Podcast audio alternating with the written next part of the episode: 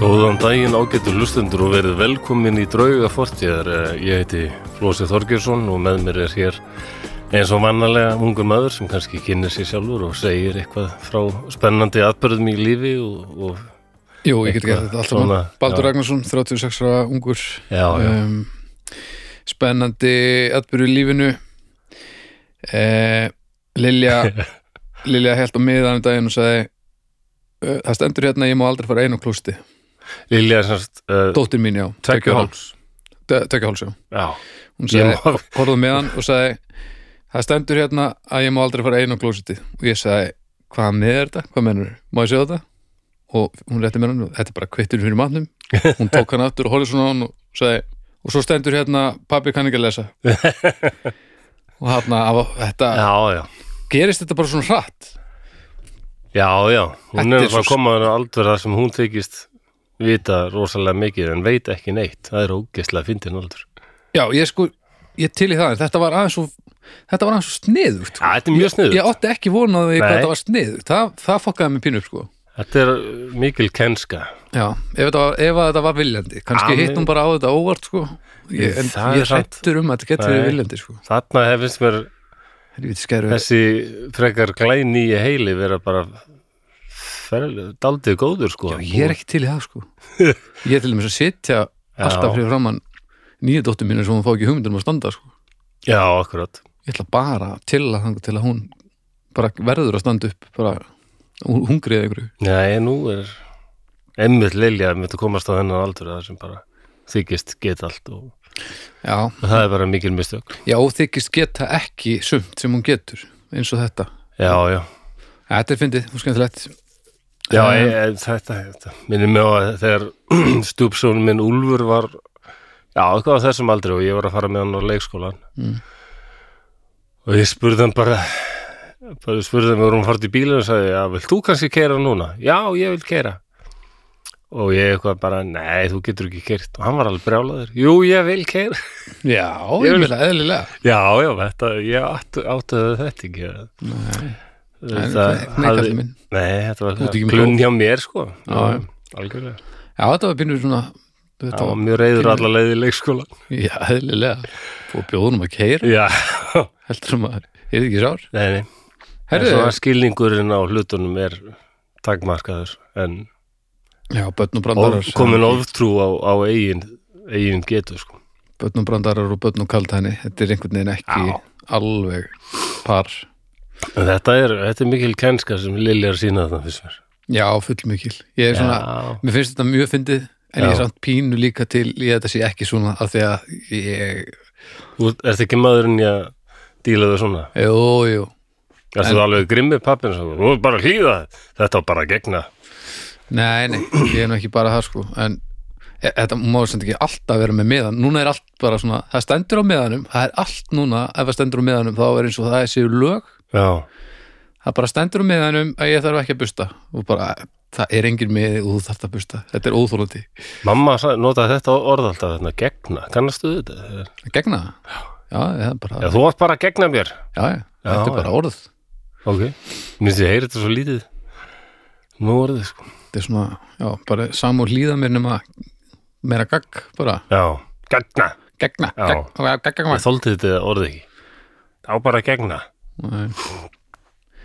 Já, Já, það er lögkirkjan já, það er eitthvað Já, já, það er bara bara sex þættir í viku það Það er, er bara, ekki, það er awesome það er alveg Það var að awesome segja to max. geðveikt en það er bara mánudum er það dómstæður og þriðdum er það kokkarlega geirun og á miðgudum er það við mm, og fimmtudum er það Eh. snappi tala við Já, uh, fólk og, sem er nú orðin bara þokkala vins, eða bara mjög vins já, mjög vinsett Já. það er bara v- náttúrulega núna um jólin eða svona upp úr jólum, þá allt í nú virðast mjög margir að átta sig á því að hvað þetta er annarkvort að þetta sé til eða hvað þetta Já. er frábært sko.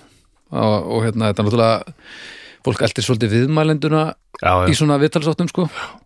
en hins vegar þá hérna, er þetta bara það skemmtileg viðtöl að, að það skiptir engum máli við hvernig hann er að tala svo lengi sem að fólk er til í að tala við hann þá verður maður bara er maður bara með allaveg sko. já, þannig að það er frábært að sjá að það er gjössalega búið að springa út mhm, og uh, Svo er að förstöðum ára, nei, þetta er nú alveg mm og besta plata. Já. Hvernig, ertu búin að vera að hlusta á bestu plötuna eitthvað? Nei, ég var bara heilmikið eftir og Nó. bara, ég ætla að fara að gera það núna að fara í göngutúr og hlusta á podcast. Já, það líst mér vel á. Já, mér finnst ég vera, verða eitthvað miðaldra bumbukall og ég þúli það ekki. Mér heldur að bumbugall. Já, ég gruna nú öll þessi fjandar skeðulif sem ég er að taka. Þau hafa oft alls konar aukaverkanir. Mér er nú eitthvað t- komið inn á hérna. Yrnasuð og skapbræði og, Jú, jú, og allt þetta, hérna, já, já. þetta stuð. Og stundum sko fitnar fólk. Eða það verður meiri matalist eða Já, borða meira, sko, meiri svengt og já. Ég veit ekki alveg hvað þetta er, hvort ég er að borða meira en vanlega. Ekki finnst mér það. Nei, En En ég ég meina, er þingstöluvert, sko. já, þú, það var nú ekkert sem til að hafa ágjur af er það. Nei. Þú frekar hraustur bara. Já, já, algjörlega. Já, ég, það er að, svona, það sem er mest pyrrandi við konserta, finnst mér að það slæðir svo djúl og hungur til hljóðuna, sko. Já, já. Ég gleymi stundum að geta. já. Svo, við erum að taka þessast upp á miðvikudegi, uh, núna er vika slett síðan að við vorum að taka þetta upp. mm. Í dag kom út þátturinn um jarðitu uh, flipparann Já, já, í- í Marvin Colorado. Heimayer já. og hann hérna, ég, ég sem sagt samti stefið í þann þátt í gær. Já. um, og þegar ég þarf að semja stef fyrir hennar þátt, þá sest ég niður klukkan tíu í gera morgun og svo stend ég bara upp klukkan tíu ja, níu eða tíu í gerskvöldi Nú, og þá er ég bara þú veist, búin að búið með þáttinn en þá, þá stend ég upp og bara já, herðu, ég þarf nú, ég þarf nú að fá mér eitthvað að borða já, já, ég skil og þetta er bara, Já, já, þetta er, ef ég nægir svona ofbúslum fókus á eitthvað, og það er eitthvað svona mikið misjón þú veist, þetta, þetta, er, þetta er ekki gott sko Nei, að því maður á að borða til að deyja ekki strax Já, já, Já, veist, maður náttúrulega borðar ekki til þess að deyja ekki af því að Nei, það, það er það var sko. ekki, rétt, það, ég held að það sé ekki eiginlega ekki hægt sko. Nei, þessi söngdatilfinning hefur aldrei verið sterk í mér ég get einhvern veginn slögt á henni bara og hérna, þeirraplisti minn segir að þetta sé dæmigert fyrir fólk sem hefur orðið fyrir áföllum í æsku, það getur Já. aftengt svo margt Já, kom eitthvað fyrir því að sko það Djó, Nei, jú, bara svona föðumissir til eða frá Já, eh, ég, já, mér fannst ég aldrei hafa upplýðað neitt eh, voðalegt miðað við marga aðra sem hefur upplýðað, Það er bara því að það er rétt, en það breytir ekki að hefur Nei. árið á mann skilur. já, mér er svona fólk sem hefur upplýðað óðböldi og svona. Svo var ég hissað þegar ég fyrir að fara til sálfræðing og þeir fara að segja sko að þetta er mjög alvarlegt, það er vannræksla þarna og Mm. ég man alltaf að eh, sálfræðingur sem báðir þekkir, eh, báðir, báðir þekkjum sem er nú farin á eftirlaun held ég. hann sagði það er að mörguleiti sko auðveldara sagði hann, að meðhandla fólk sem er eh, upplifa líkamlega ofbeldi heldur en það sem upplifa andlegt eða vanrækslu Mm. sem hann vildi meina að vanræksla væri rauns Já, já. algjast andlegt ofbeldi sko. þetta- já, já það ætti ekki að bjóða börnum upp á vanrækslu það væri bara Nei, svolítið ekki En s- svo er samt líka Það er svo fyndið að að ég var að tala við einstaklingum um daginn sem að misti mömmu sína bara á svipstundu bara engi, engi formalögin eitt og ég hugsaði bara uh, að því að pappi deyra svo lungu tíma mm og ég hugsaði, vá, hvað lítur það að vera skrítið að, að missa missa hérna fóreldri svona bara eittur og bingo já, svo kemur viðkomandi til mér og segir Já, ég, ég er ekki sem ég væri til í að gera þetta eins og þú hefði gert þetta, sko. Það var eitthvað svo skrítið að það tekja svona langa tíma og eitthvað. Já. Þú veist, Dauðin er alltaf grænni innum megin, sko. Það er Já. eitthvað megin, þú veist. Það er bara þannig, það er aldrei neitt samtur. sko ég hef hugsað um svona döðdaga mitt að ég man það pappi dó bara allt í einu, hann var þarna og Já. svo bara allt í einu er hann bara horfin og eins og hann hafa aldrei verið þarna Já, og svo þegar Óli bróður minn dó sko, það var langt hann hérna, Já, þú ert náttúrulega með Já, svona já. best of both worlds. Já, þú veist. Þessi óöfnilega, já, Árið. ég var reynda barni ég upplýði þetta fyrir að pappi dó það er svona, Já, þetta er ég held að- svakalega ég held samt að ef ég ætti að velja eins og það er nú klika Mm.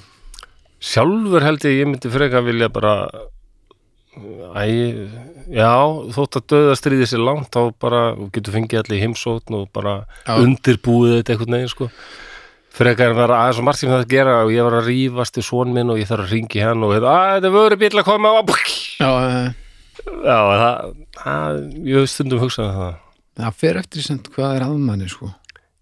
já, en Þú veist, maður- maður vill einhvern veginn ekki missa andlega stjórn, sko.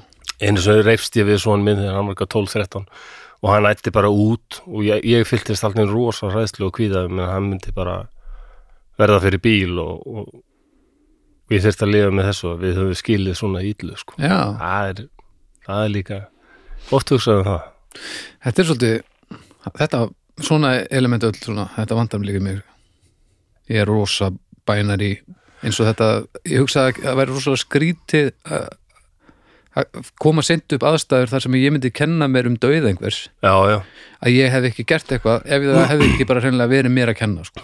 já Nei, ég, ég var ekki að meina endilega að ég hef kent mér um dauðans heldur bara að lifa með því að já, já, en síðasta minningin er bara svona leiðileg Já, já, en, en hjá mér er þetta líka þannig sko að- að lífið er spektrum af hamingju og ekki og dauðin getur dottið inn hvar sem er já, og það er bara, þetta er bara haftrætti hvar, það, hvar hann dettur inn sko Þetta, jú, jú, það er alveg rétt þannig að ég, ég myndi alltaf muna það góða þó að síðasta hafi verið slæma því að þá erum við bara að lifa lífinu skýrum Já, lífið er bara upp og ok. neður og maður er ákveð alltaf að, ég nenni ekki að lifa lífinu eins og að segja alltaf einhverja frá degja sko. Nei, nei, en það, þetta er kannski ágættir regla hérna, hl- fara aldrei reyður og skella á eftir sér og það er fín regla að- að þú klára málið bara Já, að vera bara ekki, vera bara að minna fíbl er ágætið sögulega, sko Já, já, hvort sem einhver deyr eða ekki já, já, það er bara svona fínt við, viðhorf bara jú, jú Það er svo sem alveg rétt Herðu, Ég, hérna, þetta minnir mig á, hérna, ég man því ég bjóði í Danmörku þá sá ég viðtal við konu sem hafði hún vissi að hún væri með eitthvað sjúkdóm eða eitthvað galla en hún yrði blind henni var sagt bara að það er, við vitum ekki hvenar en Já. mjög líklega bara innan árs hægt og rólega eða bara búm, Já, það gæti bara komið, hún var komið með mjög lélega sjón og sá Já, samt já. alveg gæti björga sér okay. en pælti, hún alveg lengi vissi að þetta gæti bara komið hvenar sem var og hún bara fór á rúndin Nei, hún var bara, já, já, hún bara gerði sitt. Ég veit nú ekki alveg hvort hún læði það að keira, ég vona veit ekki. Lega vilt En hún bara, já, hún sagði að, hún sagðist að hugsa, ég vona að þetta verði svona fallegt sólalag eða eitthvað, sko. Svo var hún bara að versla í matinn einhver og leit niður og sá eitthvað fríkadeller, kjötbólur og svart. Hún sagði bara, ó, og hún sagðist það að staðið þarna í super, supermarkanum orðin blind og anskotir, er þetta að síðast? Hverja kjötbólur í frist? Á hverju satt hún ekki í síðustu mánuðin og horfði á eitthvað fallegt á Já, nei, hún bara Metnaðarlega segir þetta ákveðin í því að Djöfur skellur maður já, hún var hún, hún, hún gerði svo grína þessu, þetta fannst mér svo frábært Já, ég Ég veit ekki en hún var búin að undirbúa þessu, hún veit bara ok, og svo þegar hún var orðin blind þá vissi hún eða daldið hvernig hún ætti að snúa sér og Já, já, já. þetta var náttúrulega rosalega erfitt en, þetta, Já, svo svo breyting en það var undirbúning, þetta var ekki bara Já, ég held að skyndilega ég gerir mér ekki grein fyrir hvernig, hvernig ég myndi ég myndi örgulega plum, en ég hef ekki hugmynd og ég ætla ekki að fara að segja eitthvað sem er og, bara, Nei. og, og mikið en flesti byggt á einhverju. tónlistumenn eru reyndar hrættar ef við að verða heyrtalus Já, það er samt svona það er líka klísan sem að tónlistamenn elska að segja svo þau líða eins og þau séu merkilegri merkilegri en þeir eru svona, ég, að, ég, Nú er ég, ég, virka nú bara aðalega með eiraði svona með svolítið mitt svona, eitthvað, þetta Er er svona, það? svolítið, já, þetta er svolítið óþólandi já, ég veit ekki alveg- Mm. listapakk já, Vist, ég, getur- ég, ég segi að ég held ég myndi frekra vilja missa sjónuna en ég, ég hata mig líka pínu fyrir að segja það af því að já, þetta er svona Æ, Æ, þetta er- ég er bara liðið fyrir tónlistina það er ómöld að Þetta er alveg og það- ég- fyrir svona, já, nú er komin alveg 30 ári að meira að vara á rúf manni þáttur mann bara eftir um að þegar hann vakti svo mikla aðtekli en ég hef nú lítið hér talað um hann undan, undanfarið húsa slettunni nei það er ekki mikið talað um hann Nei. Nei, þetta var umr íslenskur umræðu þáttur hmm. og það var fólkarna sem hafði orðið fyrir einmitt svona einhver rosa áföllum maður sem hafði lent í flugslýsi og, og blindast og krampulegarast allur og svona mm. og hérna já og hérna Hvað þáttur var það? Ring, ring, þetta, ég veit ekki en að, ég en að man að stjórnandin var svo hann var ekki að höndla þetta þetta daldir erfitt að örglega fá svona fólk og hvaða spurningu átt að spyrja og svona mm. Og hann sagði að ef- ef þið gæti valið ykkur eitthvað annað, eitthvað aðra föllun, eitthvað annað svona, eh, hvað myndið þið þá velja, myndið þið velja eitthvað annað? Bara, Ég er ánað Þetta, þarna sko. Þið ránaði með þetta? Já, já, já, já, þetta er spurninga þetta sem að að það hristi ekki þessu Þetta var mjög vandrarlegt moment, það var náttúrulega allir bara, nei, eiginlega get ég ekki hugsaði Nei, neitt. menn, þetta er ekki spurning Þetta er allavega ekki enn eitt viðtalið skilur Nei, við. nei, þetta, ég, þessi þáttur er ekki verið endursýndur, þetta þótti mjög vandrarlegt allt. Ó, að- en ég vil ekki skrifa á spurninguna Ég er, Já, ég, mér myndist frábært að fá svona spurningu Þetta, þetta, þetta var ótrúlega þáttur og það, mér fannst að sumir sem komu þarna voru bara höfðu greinlega orðið fyrir ég maður sérstaklega þetta er einu manni í þessum þætti hann hafði greinlega orðið fyrir svo miklu áfalli Já, að hann var ekki alveg í lægi sko. já, Kall- maður maður verður kannski líka að lesa salin þú veist. Já, það var, það var minna um það allir svona þættir manni þegar ég var að alast upp Mm. það var kannski verið 85 eitthvað svona Mm. þeir voru svo þyngaðir eitthvað á bjánalegu Já, við erum í, nú erum við í sjónvarpinu, góðan dag. Já, nákvæmlega. það var náttúrulega allt miklu hátilara. Já, þetta var þannig Núna getur hvað, hvað pleppið sem er reyfið fram síman og verið með sjónvarstátt. Já, það er alveg rétt og, hvernig, Mm. og, og, og áður fyrir sko 70 eitthvað, þá var- þá voru fólk bara reykjandi í sjónvarsal Já, bara ráðherrar með síkaretu að tala þetta er breyst, breyst mikið já. Já, Herðu, Bríó og Borg Brukus. já, já, já styrstaraðarinn, Elsku það er Bríó. frábært að hafa það já, við skulum nú aldrei komin að það. Hvað, þetta er nú farið að gá- Bríó er búið að vera með okkur núna alveg í fleiri, fleiri mánuði, sko. Þetta er mjög Allavega farsælt og, tvo mánuði já, farsælt og fallegt eh, hérna, Ég er svo lélegt tí, fáralegt tímaskinn ég veit það. Já, en þú ert líka orðin rödd Bríó, Jú, Lá- lát heyra, má ég heyra það er gott að vera bríó Þú ert með góða rödd Já, Stundum- þú ég, ert svolítið leiður sko, ég heyri stundum. það að koma margar auðlýsingar þegar ég er að horfa á fótboltan Já, þá, þá kemur allt í hennu þarna tók þátt í keppni Erlendis vann hana já, ég var aldrei undra, undrandi á því að þeir skildu velja mig ég held að þetta já, ég kann ekki að lesa svona eins og eins og til dæmis Egil Óla sem mér finnst nú reynda alveg frábær sko já, já. en það er alveg bara Vigi, hérna, Vigi Eurojackpot Evrópu keppnin í hefni En sko, já, þú ert bara svo Þú ert með náttúrulega með frábæru rödd Já, ég, Og- en það er spurningum að beitinni sko Já, en svo líka bara Ég held að sé ekkit erfitt Þú ert líka bara þöl reyndur í að, að te, Þú ert mjög tengdur Bríó Þessum, þessum óafengu Já, já, og ég er bara tilfinningarlegum böndum og nú er bara búið að að hérna að, að opinbera þetta samband það er mjög gott Já, ég er, það er gaman að geta vera rödd einhvers og auglýsa eitthvað sem ég finnst sjálfum frábært. Ég finnst nákvæmlega, bríð bara svo óafengi eðslugur. nákvæmlega pældi, þú verir bara rödd jarðsprengjulegu Jónatans eða eitthvað. Jarðsprengjuleiga. þetta var eitthvað sem að Toggi minni mig frekar en Eddi var alltaf með sem businessplan, það er jarðsprengjulegu Jarðsprengjuleiga, já. Það er- það er auðvitað ykkur ástæð fyrir því að maður sér það sjálfdar. já, þeir eru hvoru hvor er í best, Já. business sko Er þarna fróðusleikir ekki lengur á markaði en það er þarna IPA Wheat Ale og fengi hann er náttúrulega fáanlegur. Vítelinni til, já, Já, hvað það eru IPA heitir það? Nei, það er, fróðasleikinni er IPA en, já, það er fróðusleikir en hérna bríóin er, er Vítel Wheat Ale Já, Ég- bítelinn er verð að ennþá fara- í búðum verð að og fara bara að læra þetta. verður bara til og hérna svo eru bara gaman að sjá hvað hvað hérna bríó, nei, borg kokkar upp á næst sko. Já, en við viljum klálega þakka bríó og borg kæla fyrir uh, veitta aðstóð í fortíðinni jafnt sem nútíð já Fæst ekki hann fæst alveg í, í búðum fjárðarkaup og já, hann fæst svo sannlega í búðum ekki hann er fyrir bara, aðköpum og, og hagköpum og, og hérna grunni og... ekki bara alkohólbúðinni þarna nei, nei, ekki bara í Vínbúðum. henni ekki bara í henni, kram og kjör og allt sko Já, þetta er, það er, þetta er nefnilega bjórin sem þú getur fengið hvar sem er sko. Já, já Þú þarft ekki að fara á eitt stað og, og kaupa eitrið heldur getur þú farið á, á marga staði og kefta sem dreipir ekki.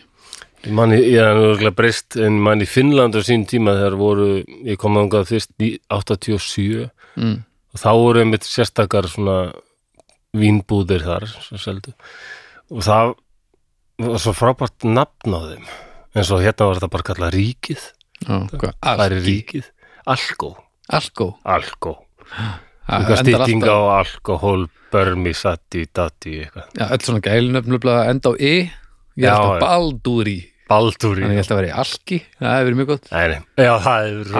Alki Já, já, Já, hérna vinkonum mín sem er finnsk og á barn með hérna íslensku manni já, mér var svo frábært þegar þau voru að spá í að velja hérna að hérna velja nafn á barni sko já, og föttuðu þau að Andi er náttúrulega finnst nafn já. og Kristinn er íslenskt Andi Kristinn það, Andi Kristinn það er geðvig Já, en þau er svona, að nei ég held- Næ, kannski við fyrir Þetta maður heita Andi Kristján Ég held að Árni vinnu minn hann uh, spottaði hann um leið þegar að Morgan, nafni Morgan var leift hérna á Íslandi Já, þá var hann að pælja að skýra sonin Morgan Fríman með í Morgan Freeman Já, vá, hvað ég var lengi að tengja Mhm. Vá, þetta velkomin Morgan Freeman Það er eitthvað svo Ó. fallegt Það er stórkvæslega Það varst nú svolítið lengi að ná þessum ja, Rosalega, ég er eitthvað slappur í dag sko. Þú er kannski bara átt að Ég er ekki alveg á full FM sko. Ertu?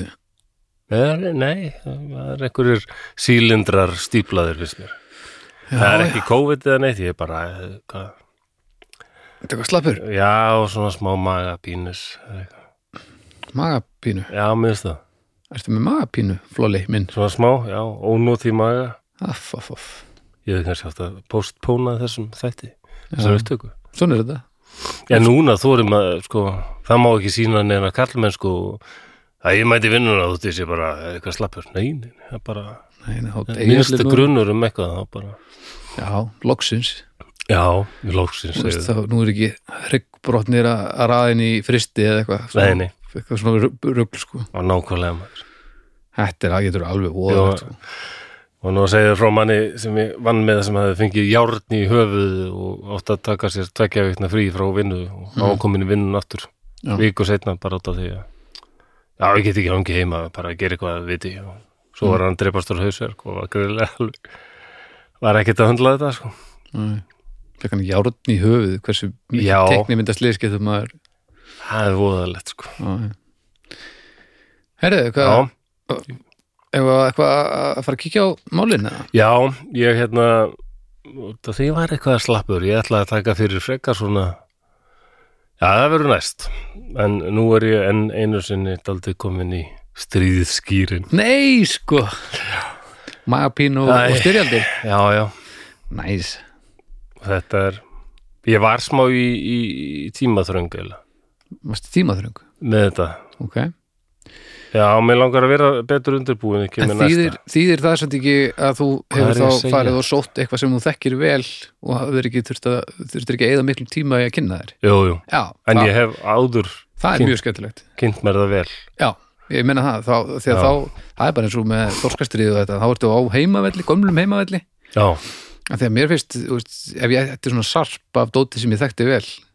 ég myndi sækja oftar, oftar Já, það, það ekki. sko þegar maður er með einhver svona alveg nýjar upplýsingar þá var maður oft meira krafsandi sko Já, pona, Baldur, pólska stríðsetjan frá Dalvík, mm ég fatt að það bara allt í nú heyrðu. Ég er búin að skrifa þarna heilmikið um eitthvað varðskip. Nákvæmlega. Ég nota það. Já. Við megum gera það sem við viljum. við megum gera þessu, við ráðum þessu Já, já, en hérna, ég er tilbúin ef, að- ef ég er tilbúin- særingar. ég er bara reyðbúin í Og síðasti þáttur, hérna, um jarðítumannin, ég veit að það eru sumir sem hlusta á okkur sem eru að stjórna svona vinnuvélum og eru að hlusta á okkur um leiðu og þeir eru að vinna. Sko.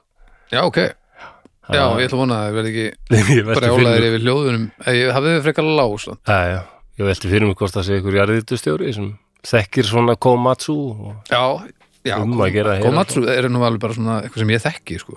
Já, ég sé þetta líka, þetta er líka eitthvað nafn sem er svona Já, já. Caterpillar maður þekkir Já, það. klassík. Líper. já, já, En hérna, já, góðir áheyrendur þá er loksins komið að því að setja sig í stellingar því að nú ætlum við aftur að særa fram drauga fortíðar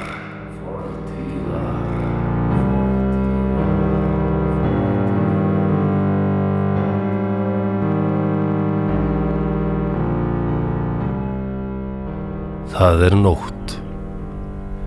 En þegar má sjá daufa skímu dagspyrtunar í austri. Klukkan er aðeins nokkrar mínútur yfir fjögur. Við erum stödd í undarlegu húsi. Gamaldags veggirnir eru þykkir steinar. Já, þetta er kastali. Á frekar óhrjálegu rúmi liggur maður og sefur.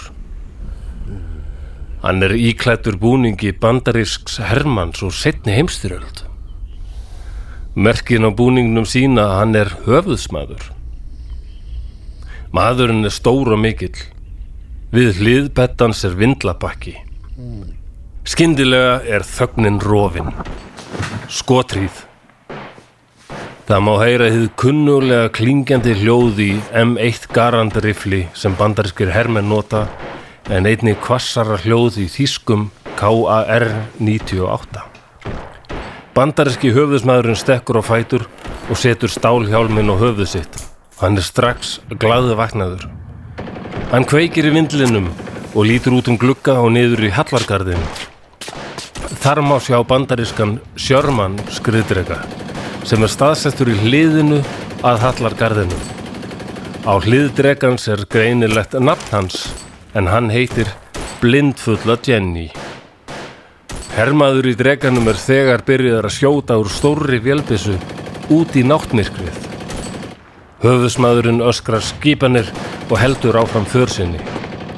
Hann kemur að nokkrum bandarískum hermönnum sem skjóta niður með frá kastalvegnum Þeir segjast hafa séð þíska hermenn úr Waffen SS reyna að klifra þar upp.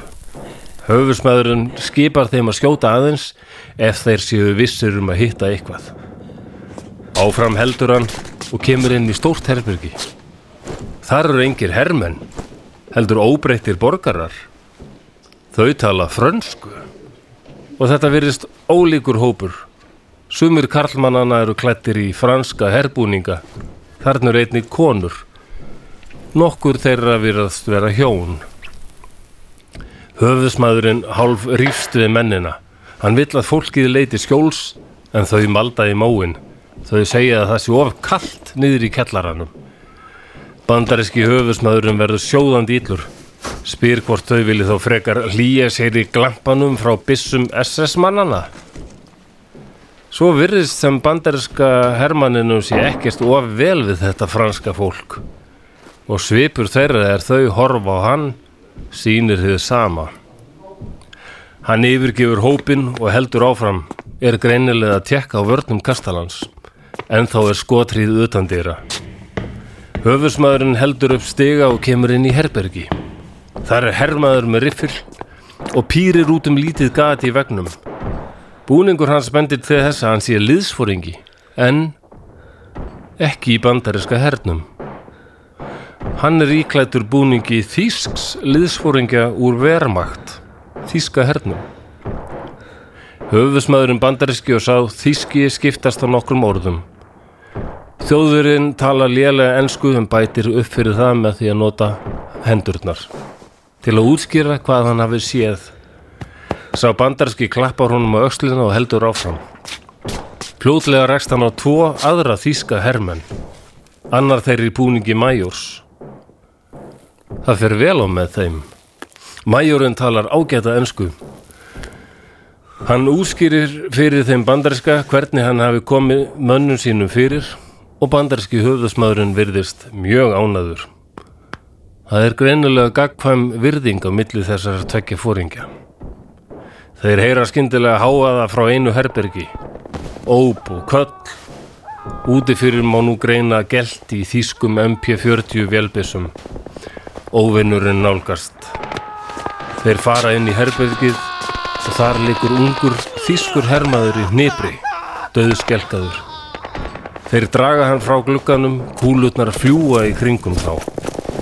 Þýski hermaðurinn er ósærður en afarrættur Hann sæðist að hafa síðan okkra SS hermenn nálgast og skotið að þeim en þá hafi kúlunum ringt yfir hann. Þíski mæjórin er rólegur og klappar honum á aukslina. Hann veit að þessi ungi austuríkismæður hefur enga reynslu af bardögum og hefur aðeins verið hermaður í tvær vikur. Óvinnurinn sem er í myrkrinu fyrir utan Kastalan er aftur á móti þrautreindur og einni eru þeir fanatískir nasistar. Þeir munu ekki gefast upp fyrir henni í fulla nefana. Þíski mæðurinn veit að þetta gæti orðið langur og erfiður dagur.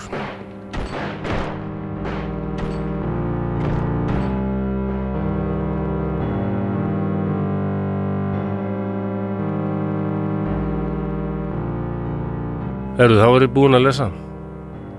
Mm, Já, Heldur þú að hafa heyrt um þetta? Ég geti það sagt þér frá þessu. er það? Ég er ekki svo í muni Það ekki? Nei, en uh, það er smá smá spennaða það allavega Já, er ekki undarlegt að hann er, þetta er náttúrulega alveg furðulegt dæmi. Hérna er ég er með bók sem heitir The Last Battle. Já, ég ætla að vera að segja að þetta lítur nú að- að að vera svolítið flókið Já, þetta er hérna, hún er eftir Stephen Harding. Ég tek þetta úr þessari bók, sko. Ok, When US and German soldiers joined forces in the waning hours of World War II in Europe. Þetta er ein- sem sagt eini bardaginn í setni herstöldinni, þar sem þýskir og bandarískir hermenn börðust Mm, já, hlið já. við hlið. já hér Gegn, gegn Gegn- SS. SSU Já, vondun SS-tónum. Og þetta, því ég las þess bóku, hugsaði ég bara, ég sá þetta fyrir mér svo bíjamynd og bara karakterarnir í þessu, í þessar sögu. Ok, það þarf ekkert að það þarf ekkert að skrifa þá það er neitt ekki að Þeir eru bara dramatisera þetta. tilbúnir. Já, já, en þetta, og þetta er bara þetta geti svo verið Hollywood kvikmynd, ég skil ekki okkur Steven Spielberg er ekki löngu búin að gera þetta hvað er hann ekki orðið miljónara? Er það ekki bara já, það geti Hann er verið samt eitthvað að brasa alltaf já, hann er nú alltaf daldið dölur að gera eitthvað sko. Já, já. en þetta gerist í mæ 1945 og, og Adolf er nú bara búin að skjóta sig í höfuðu þarna Já, já og þriðja ríkið er búið, það vita það allir Það er nema þarna SS-mennið sem bara Þeir eru Já. alltaf uppteknum hætti Já, þeir, Það er já, þetta- þeir voru mikið í því Það er vitt að kenna gömlum SS-mann að sitja sko. Það er bara þannig Greinilega En það er verðist verið auðvildar að kenna bara venjulegum þýskum hermann að sitja sko. Já, já, já og en að en þarna var þar á ég að byrja sko. þetta er, þessi kastali er náttúrulega ennþá til hann er í austurísku ölpunum heitir Sloss Itta Sló sita Sloss Itta? Mm. Já, Itter kastali svona á góður íslensku Ok, um, á stríðsárunum þá hefði sko þetta, húnum hefði verið breytt í fangelsi já, og hérna, þarna hafði verið geimdir svona VIP fangar, svona mikilvægir fangar sem getur kannski nýst í sko áróðuskinni eða þetta var að skipta á þeim og einhverju hvað Þetta voru- það voru þessi Körfubolta mynda fangilisíð Bara, Ha. Var þetta býtti fangilisíð Já, þetta var svona bítið fangilist Svona eins og körfubolta mynda Það var töluvert verið að býta sko hérna, viðnur okkar sem við töluðum um í sjóveikir breski drengir Vernema Ísland 1940, hann Werner Gerlach Já, hann, það var býtað á honum og einhverjum öðrum og sko. það var eitt gerlak hérna fyrir einn Já, Sláser það, þetta, þetta yfkuðu menn mikið sko að þeir eru með þarna gauður sem við erum að fá- fá aftur já það að fá þið fáið hann en við viljum fá tvo breyta í staðin nei, tvo breyta fyrir eitt tjóður það er alltaf mikið svona voru menn bara eitthvað Þetta er eins og skipuleika hérna þegar að- var það ekki Kim Jong-un já, kimmarinn maður sem að hérna, þegar að sonur hans var tekinn fastur einhver staðar í Japan lítur öra frekar en Ég- suð bróðir hans Nei.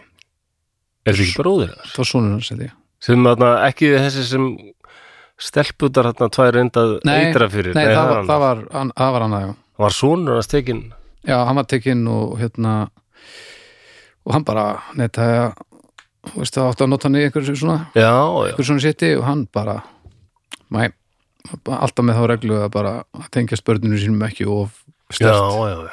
Uh, nei, Það er nú- eins og bíddu nú, með nei, Stal- nei, nei, nei, Stalín, Nei, sko. ég er að ruggla saman Þetta er Stalin sem ég er að tala um hérna. Sónur Stalin, Þetta er Stalin, tekinn já til Sónur hans var fangaflöður tekinn og, og og hann var bara nei, hann var bara mói og sónur hans var bara svona ekki alveg eins og pappi stað nei, og átti ekkert sérstaklega skemmtilega æfi og endaði með því að hlaupa á, á, Já, á rammas- á rammasvírana já. sjálfur bara og Sagt er að þá hafi Stalin allt í hennu sínt í fyrsta skipti ykkur tilfinningar í garðans. Æ, hann dó góð, góð, dó góðum döðdaga. Já, hálfviti Stalinur Já, algjör Kaldrannlegur óþekkið, gaur, sko. svona raun óþekki ég, en já, Kim Jong, hérna hún er nú engin topp maður svo sem heldur en, en það voru tvö veiri einstaklingar já, sem eitruðu fyrir já, frændans, já, var það ekki jú, hvort hann er, eða allavega einhverjum bandamanni, gömlum hvort hann er bandamanni eða eitthvað. hálbróður eða, eða Og þessi tveir eru einstaklingar heldur verið að taka þátt í bræðra raunveruleika sinni eða eitthvað, ég maður Held- ekki. heldu, heldu, þau heldur að vera að leysa sem sagt, verkefni í raunveruleika sjónvarpi þau eru Já. eitruð þrjónum Já, þetta er mjög, það er mjög undarlegt mál. þetta er Já. rétt. mjög skrítið sko. Þetta er minn upptaka því eða þær eru eitthvað að reyna að skvetta á Já, já. hann. það var í, Hann lifði það af, í eða ekki? Östuríki var ekki Jú, eitthvað svolítið. já Veit Eða ekki hvort Svissi. hann liðið af. Nei. Þetta er alltaf búin að vilaðar maður. Já, þetta er óalega fyrirvöld, en hann er standi í þessu. En uh, ég meina, þarna var mæ 1945, sko, Berlín í rúst og bara allt í rúst, menna, Mhm. það var engin býtti lengur. Nei, nei, það er bara Og þá voru, sko, frans, þetta voru franskir fangar. Og það er líka svo frábært fyrir þessa bíómynd að, sko, það var, sko, ekkit samhendur hópur. Það, þetta getur ekta svona frakkar. Neituð alveg já, hlýðna skipunum bandarska höfðsmassis og bara, og kalt þetta, hvað kalt er þetta ekki lægi við ykkur hann já, það verður að skjóta á okkur, farið í skjól nei, við gerum það ekki og Já. endan þá mættu þeir bara sjálfur með rifla, gömlu kallandir sko, allir bara að fara að taka þátt í barðaðanum sko. Já, ok, já, já, en það gerir setna en þarna, þarna voru til dæmis tveir fyrrum fórsættisöðurar Paul Reynaud Mm. og Edward Daladier ok og tveir hersöðingar uh, Maurice Gamelin og Maxim Weigand þeir þóldi ekki gott annan sko. ah, þeim fannst uh, já öðrum fannst hinn vera algjör aumingi og hafa gefist og fljótt upp fyrir þjóðurum og hinn hinnum fannst hinn hafa staðið sér illa þeir bara þóldi ekki gott annan svo var það maður sem heit François de la Roque mm Hann var fasisti og leiðtói Kvatu Fu sem er þarna eldkrossin sem var eða svona stærsti fasistaflokkur Fraklands Já, já, og eðlilega voru sumum bara ekkert vel við hann út af því hver hann var sko. þetta er allavega svona já, en hann hafði verið, Ego, ego kastali já hann má nú eiga það að Fransa Dula Rock og þráttur að hafa verið fasisti þá var hann líka náttúrulega frakki og, og elskaði landsitt og endan snýrist hann gegn nasistum og hérna var fangilsaður Já, já, Svo var þetta maður sem hétt eh, Sean Borotra mm. hann var tennistjarna já já, en líka fasisti klassísk kombo algjörlega Þetta er, al, þetta er seinsaga já, já. já, já. en hann hafði líka sko bara átt að segja því að þessi vissistjórn vissistjórnin var sem sagt eða norðurluti Fraklands var það var bara norðurluti Fraklands sem var hernumin það voru þýskir hermenn en suðurluti Fraklands var bara frakkar reyðu því Mm. að gerðilega vopna hlýja þannig og það er stundum sagt að það hefur verið svona puppet stjórn eða svona, hvað heitir það þarna ah, ég er búinn að- leppstjórn Leppstjórn já, það er kallað leppstjórn já. þýsku þý, þýskaland sko, þannig þessi vissi stjórn en hún var alveg fyrst frekar sjálfstæð og var, þetta voru bara hálgerð fasista stjórn sko, þessi Já, vissi já, já. stjórn og til dæmis hefur komið fram að þeir gengu mjög harkalega fram í gyðinga og svoðnum og bara Já, ok. störfuðu náið með þjóðverum í því sko já, ok En í þessu fangilsi, eru fangarnir enn á svæðinu eða er búið að að hreinsa? nei, þau eru ennþá þannig, það er þetta franska fólk og, Það er þetta franska fólk, það er Já. sérst fangarnir og þessir hersöðingjar og forsættisáðar þetta já. voru með eiginkonu sínur þetta með sér Já, ok, og það höfðu verið þýskir hermenn hana og SS-menn sem höfðu verið stjórar hann á ídræmdur svona gaur sem höfðu verið yfir þessu fangelsi og hann var bara horfin, já hann hafði bara stungið af uh, ásamt fleirum en það hefði frest af SS-mönnum sem voru á leiðinni kastalan og það voru allir bara mjög hrættur um þau ætla bara, þeir, all- þeir munu taka okkur að lífi sko. mm. Já, ég sem, svo sem ekkert það ólíklegasta í stöðinni Nei, og hérna það er eftir að koma fram áhugaverðari karakterar þarna líka Já, og svo voru fleiri þarna, það var þarna maður sem hefði Leon Sjóhó Mm. og hérna sem var verkaðlisleið þau, mikil sósialisti Ok. okay. hérna, hann og Dula Rock hafi nú ekki átt skap saman Nei. kannski eða, eða tennistjarnar hann Aldrei veit Já, þetta var rosalega, þessi franski hópur er alveg magnaður sko. Og svo var hana, eldri sýstir franska hersöðingan Charles de Gaulle var hann líka okay. og hana, það, var, það var ekki góður múrall hjá þessu liðum maður. Og sérstaklega hersöðingarnir báðir er bara þol, fyrirlitu hvort annað sko. Sérst, og allt þetta lið fyrir, fyrirleit Weigan, hersöðingja. Hann hafði tekið við vörnum Fraklands af Gamelín Ok. hinum sko í mæ 1940 en hann gafst bara svo fljótlega upp sko. Já.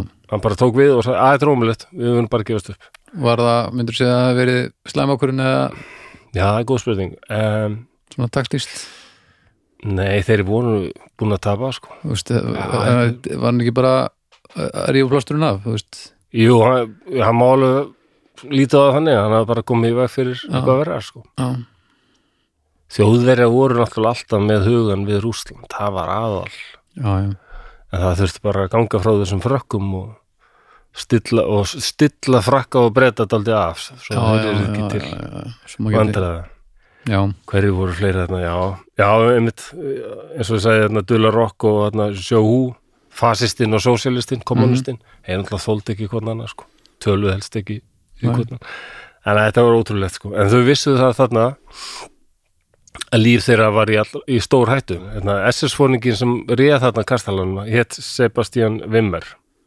ok og hann, og þau tók eftir að hann var þau voru að spyrja er ekki allt í menna, við erum ekki í hættu er eitthvað, hann sagði bara, jú, jú, nei, nei, nei við munum sjá um ykkur, þetta er allt í lagi svo eh, þau tók eftir að hann var farin að drekka meira og meira hmm. og svo bara hvarf hann einn daginn, sko, nokkur dögum áður en þetta gerist, bara einum tveimur dögum áður, sko og Það þau, er- og þau voru skyndilega bara ein eila eftir í karstalanum, það voru mjög fáir þýskir hermenn hérna sem, þú veist, sem fangilsi var þetta Já, þetta var erfitt að komast að þessu og þetta var bara í miðjum Já, já. öllpunum þannig að það var ekki auðveld sko. ok, Þannig að þau fara að vera alltaf uggandi sko.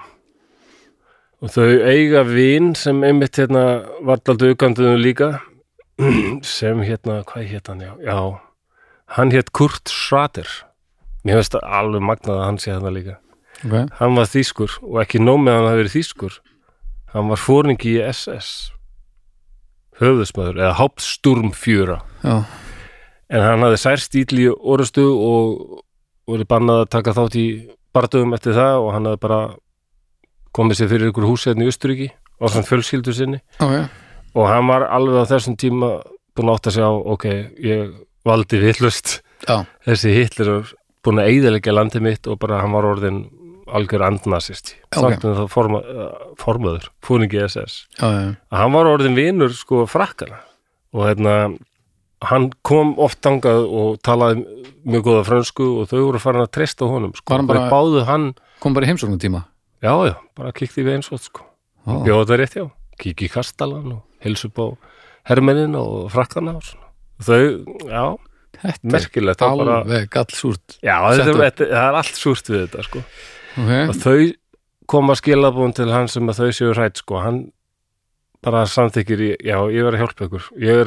hrættur um þetta líka ef SS menn koma þarna, þeir eru kolvillusur og bara er að drepa alla og það Já, var það þarna á líkt að síðustu Mm, tapa. dögum stríðsins, þá voru bara það var verið að þeir voru ekki nómið að þeir voru að berjast í rúsa og bandarækjumenn heldur voru mjög uppteknir um að drepa sko þjóðverða sem þau töldu að væri Já. vel líklegir til að gefast upp sko, ef einhverju sáast með hvíta fána út í gluggum sko, þá var það lið allt bara skotið þetta er svo styrklað leiðilegt lið sko- Já, þetta er Pældi ég að þekka einhvern svona Eða Já, var einhver maður einn les sem þetta. væri svona þú veist, Já. fyrir utan fasismann ef einhver einn væri myndi hega sér eins og SS-fóringi í lífinu Já. en maður bara ekki nasisti já. heldur maður myndi eitthvað staldra við Alls ekki Nei, það er rétt taka allaslægi, ægili bessu þessar Já. eh, búin að drullu upp á bak en við, við erum samt á misjónu eitthvað þegiðu bara, Já, nokkulega hættu þessu Já, það er alveg það er, það er kannski ekki svítið að þeir virka alltaf svona freka leiðilega típur í bíómyndum SS menn. Já, þetta er svo voðalegt alltaf mann Já, mér fannst þetta Það alltaf var ekki fordóma fullt sko að allir SS svoningar voru alltaf litaði svo illa í bíómyndum sko, að maður Já.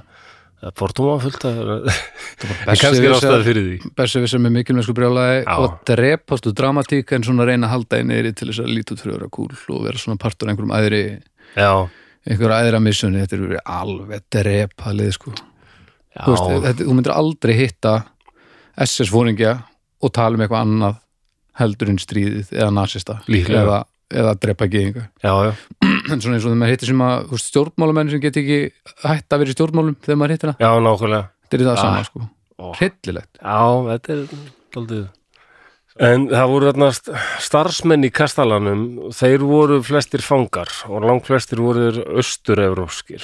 Um, þarna var króatísku rafvirki sem hétt Svonko Kukovic.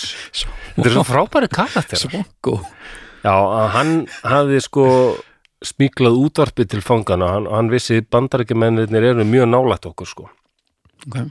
og hann hafði bara stungið af úr kastalum til að leita hjálpar sko og hérna hann gat nefnilega farið sko, hann var rafvirki hann þurfti svo oft að fara og ná í varahluti og hérna og hann hjólaði í þorpið og hann hjólaði framhjá sko SS sveitum sem sumar stoppuðu hann og voru mjög grimmir og voðalegir og þar voru, þeir voru með skriðdreka og einhverja brindreka og þar voru þeir búin að mála slagur sko eitthvað hotlusta við fóringjan ah, hæl hitlæðir og Dóíslandi uppeir alles og bara Eins og ég segi. kólgeðuð liður sko. hyllilega leiðilegt lið Já, þetta var mjög Ó. súr, súr tími í Söður-Evrópu. gerðislega leiðilegt maður keirir um Alpana núna, þetta er eitthvað svo friðsalt og fallegt allt og svona Nákvæmlega, svo lendur á tjaldsvæði með SS-sveit bara fucking helvít Já, já, já, já, já, já, nei, að spreja allt og, já, og Ah, alveg allt voðalega spegðið, hæl, hitlar, hættið þessu ef ég heyri í hæl, hitlar eins og enn þá bara, já, og pakka ég og fer já ég laði tjaldvörðum við það Ég bara, Já, já, og hann hérna en svo kemur hann í Þorp Kukovits, hann ákveður að hjóla hann kemst fram hjá þessum SS-mannum já, ná ég var að hluti, já, ok en hjólar lengra en vanalega og svo kemur hann í annað Þorp og þá sér hann þar er bara hangi, hanga fánar sko rauðir og hvítir út enn á húsum já, rauðir og hvítir fánu Östuríkis sem var ekki lengur til, það hefði verið innlimað í Þískaland og já, nákvæmlega nasistar ekki trippin af að sjá þennan fána og hann hugsaði ok, hérna eru þjóðurinnir ráð ekki hér allavega og hann hjólar fyrir horn og horfir bara beint inn í hlau- hljóp, hlaup og skriðdrega Já, og hann, hann heldur fyrst að SS-mennin eru líka hérna, hjálp æj, æj, æj, hvernig á ég útskýrið það að ég sé hér æj, æj, æj en þá sér hann á skriðdreganum, það er ekki svartur kross, heldur hvít stjarna já, já, búin að finna kanana þetta Vá, já, já þetta er, þetta er svakalur hjólatúr Já, þetta, jú, jú, Kemur víða betur, við. sko. Já, já. Þetta, þetta gæti verið svo frábær mynd, sko. En hann var búin að vera daldið lengi í burtu núna, og- hann Kukovic, og þau halda fund hana í, Fra- í Kastalanum og eru að spá í að finna annað, bara hvort það sé ykkur annar til í að fara og reyna að finna hjálp, sko. mm -hmm.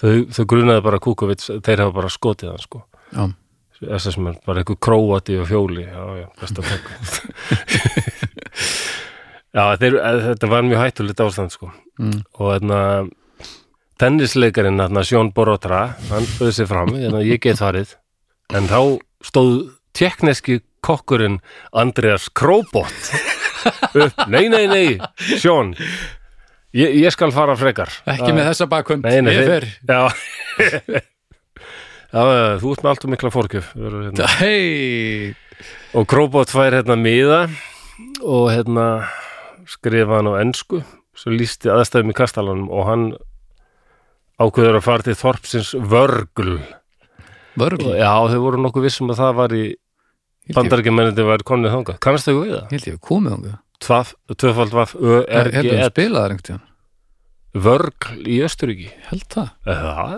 Já, en, þú veist- ég á- ég á alveg alpana eftir sko Já, vöruglega Ég hef bara séð það á flugvel og það var falleg sjón maður. Já, gott í þessu Hvað E sér, tvöfald af ERGL Ö, Ö, vörugl umlát Tvöfald vaf ÖRGL Æ, ég- Kannski að ljúga þessu en ég ætla að tekka það hérna Nei, nei, við 2013 Já, það, Já, já Skálmöld í Vörgl Já, og hérna er mér segja, sýnist mér blogg, færsla frá því að Bibi bloggaði alltaf á túrunum okkar Ég ætlum bara að lesa hana, fyrst hún poppaði einu núna Ú, ok, Jep. já Vörgl er til Vörgl er svona teknimyndaþorp, trjálaðinir alpar, allt um kring, sportbílar fallegt fólk með sólgleru, hundar og verslari með óþarfa um allt Ég vaknaði um hádegi og þá dreif okkur allir sem einn og já, svo kemur bara eitthvað bla bla bla bla, eitthvað um tankrem og Já, já, eitthvað svona tónleikastæðurinn djúið flottur og þreymur hæðum og tónleikasalurinn efst aðstæðan er góð maturinn er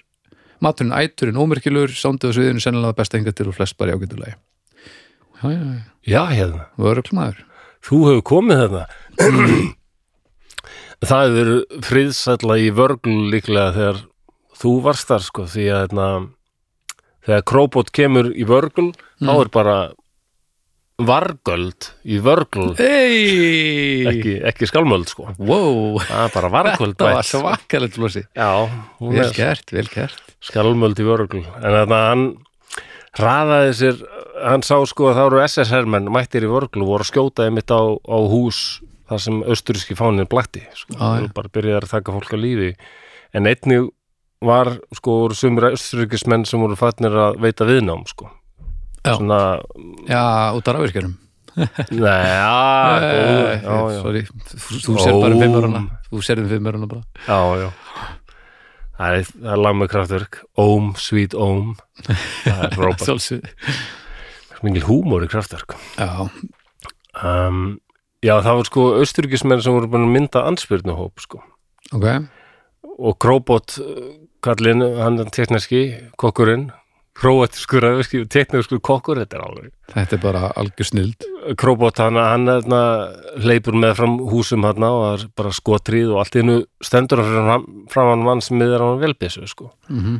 en hann sér að maðurinn er ekki í hermannabúningi og hann er með svona hann er með hérna armband sem sagt, í rauð og hvítu litunum hann er í austurískum anspyrnuhópi okay.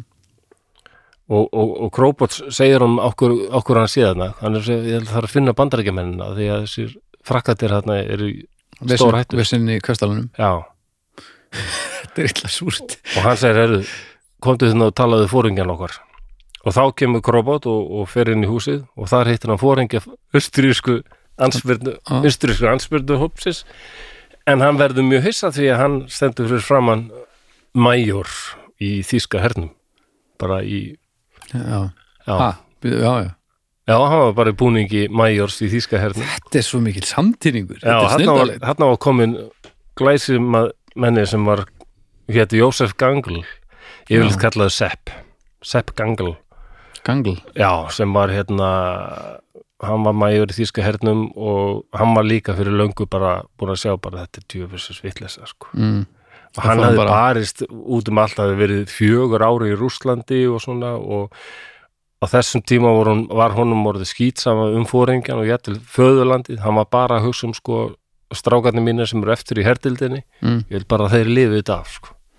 Já. hann var bara að hætta þessu ruggli sko. Fór að hefða sér bara samkvæmt sínum eigin stíl Já, Já, Og- mætti og- svo einlega að segja að að hann væri þá að að hefða sér eftir ganglstíl já, að Ganglstíl. Ganglstíl Herru, Ganglstíl hvað er, nú ert þú með fimmurann Já, sorry, ég veit ekki hvað gerist Ég Þetta er smita glæsilegt. mig Ég er svo upptökjum að segja frá þetta Ég bara get ekkert verið að standa í fimmurum nú Nei, nei, já, ég, ég skal gera mitt besta Þetta, já, já þetta, Svo þegar ég byrjaði þetta var bara Shit, Alveg fimmur að þú, þú að Það er bara stefnulust Fimmur að Já, fyllir í En já, þetta er- þetta eru gallsúra aðstæður já þetta er alveg klikað sko Og hérna, hann Hann, hérna, Sepp, hann hafði sko Hann var bara, ég þarf að bara finna kanana Og bara gefast upp fyrir þeim sko mm. Bara bjarga lífi mannana minna Mhm. En hann hafði sko kynst þarna austurískum anspyrnum mönnum þarna og bara eiginlega gengið í lið með þeim sko, hann, gat, hann hafði mikla reynslu Já, og hann vissi allt um þýska herin og, og SS líka og hann Nákvæmlega. gaf út eða þeim vopn og svona sko. næs Gangl, Já, gamli gangl hann var með svona 30 hermenn með sér sko, 20-30 hermenn sko. Östuríska, hann var inn í þjóðverðinsand Nei, það, hann var þýskir hermenn líka Nú. hertildinni hans sko og svo eru líka þannig austurískir anspyrnumenn Þetta er orðið rosalegt sko Djöfull, Þetta eru hefur verið- Bandarískir Hvernig á hermenn maður að vita með hverjum það er? band, það eru svo- Vondu kallarnir eru Waffen SS Já. sem hérna Waffen SS er sem sagt, Waffen því bara vopn, Já, vopnaði armur SS sem Já. var bara svona fanatíski nasistar já, og yfirleitt þjóðir en það voru margir sem sko ólíkt hérna já það var þýski herin vermakt mm Mhm. -hmm. í hún voru bara þjóðverjar já, en hérna SS vildu líka vera með her já. Svo og svo. hérna Æstuðlega var leiðileg. það var ekki vinsælt að þeir var að taka þjóðverja endilega í herin sinn s- en í SS-herin þannig að þeir, en þeir þeir máttu svona sagt hérna, auglýsa í, það voru margir sko norðmenn, danir, finnar, svíjar eh, hollendingar, belgar var alls konar SS-hertildir meðan annars var sko einn bosnísk SS-hertil sem hétt Hansjar og þeir voru múslimar sko með Já, Já, já, við erum með svona turbana með hérna eða þess að skrýttu múslimsku hattana þarna sem eru svona kringlóttir og engin, með, með hauskúpum á og allt og letið er ekkert ringlaðir speil bara, eða, þú veist, ha, vera í SS-búningi með turbaninn og bara orðið speilin og bara flottu, Já, já, nei, nei, þeir, þetta gengur upp þeir bara höfðu þess að serfnesku kommunista og bara bara nóg, Sagan segir að himlar hefði litist mjög vel á þá sko, því að það var svona það var alltaf mikið um eitthvað fyrirgefningu og svona öllaskap í kristni já, en múslimar mættu vera daldið svona harðari sko. þannig að þetta var alveg flott að vera með múslima í SS já, já en hvað með múslimska SS hertildin sannst. þetta já, já. að það var allskins líð, líður sko. það var með þess að bresk SS hertild sko. Jaha, Já, ó, já. það vandræðast var einn íslendingur að, að, allaf í SS hann hétt þetta Björn Sveinsson já, hann var nú ekki hermaður, hann var eiginlega svona fréttarítar í SS og austurvístöðun já, já en hann var fóringi í SS sko. já, já, þetta er, þetta er dálítið þurft að klikkað, slaka aðeins á sko. já það er nú svona yfirlýsinga glæðir yfirleitt nazistar, Þannig að- það er aðeins að slaka hann á Já, en e, þetta er semst ótrúlegur hópur þegar við það eru- tölum um svona hérna hreinu hérna, hreina stopp sko, þegar við tölum um Arja Já, það erum ekkert alveg að tala um kannski endilega endilega það sko, við erum bara að tala Nei. um svona döru alveg sillilegt þetta er umlega, það er svo erfitt að átta sig á þessari Evrópu, maður ferðast um alla Evrópu þú líka Mm.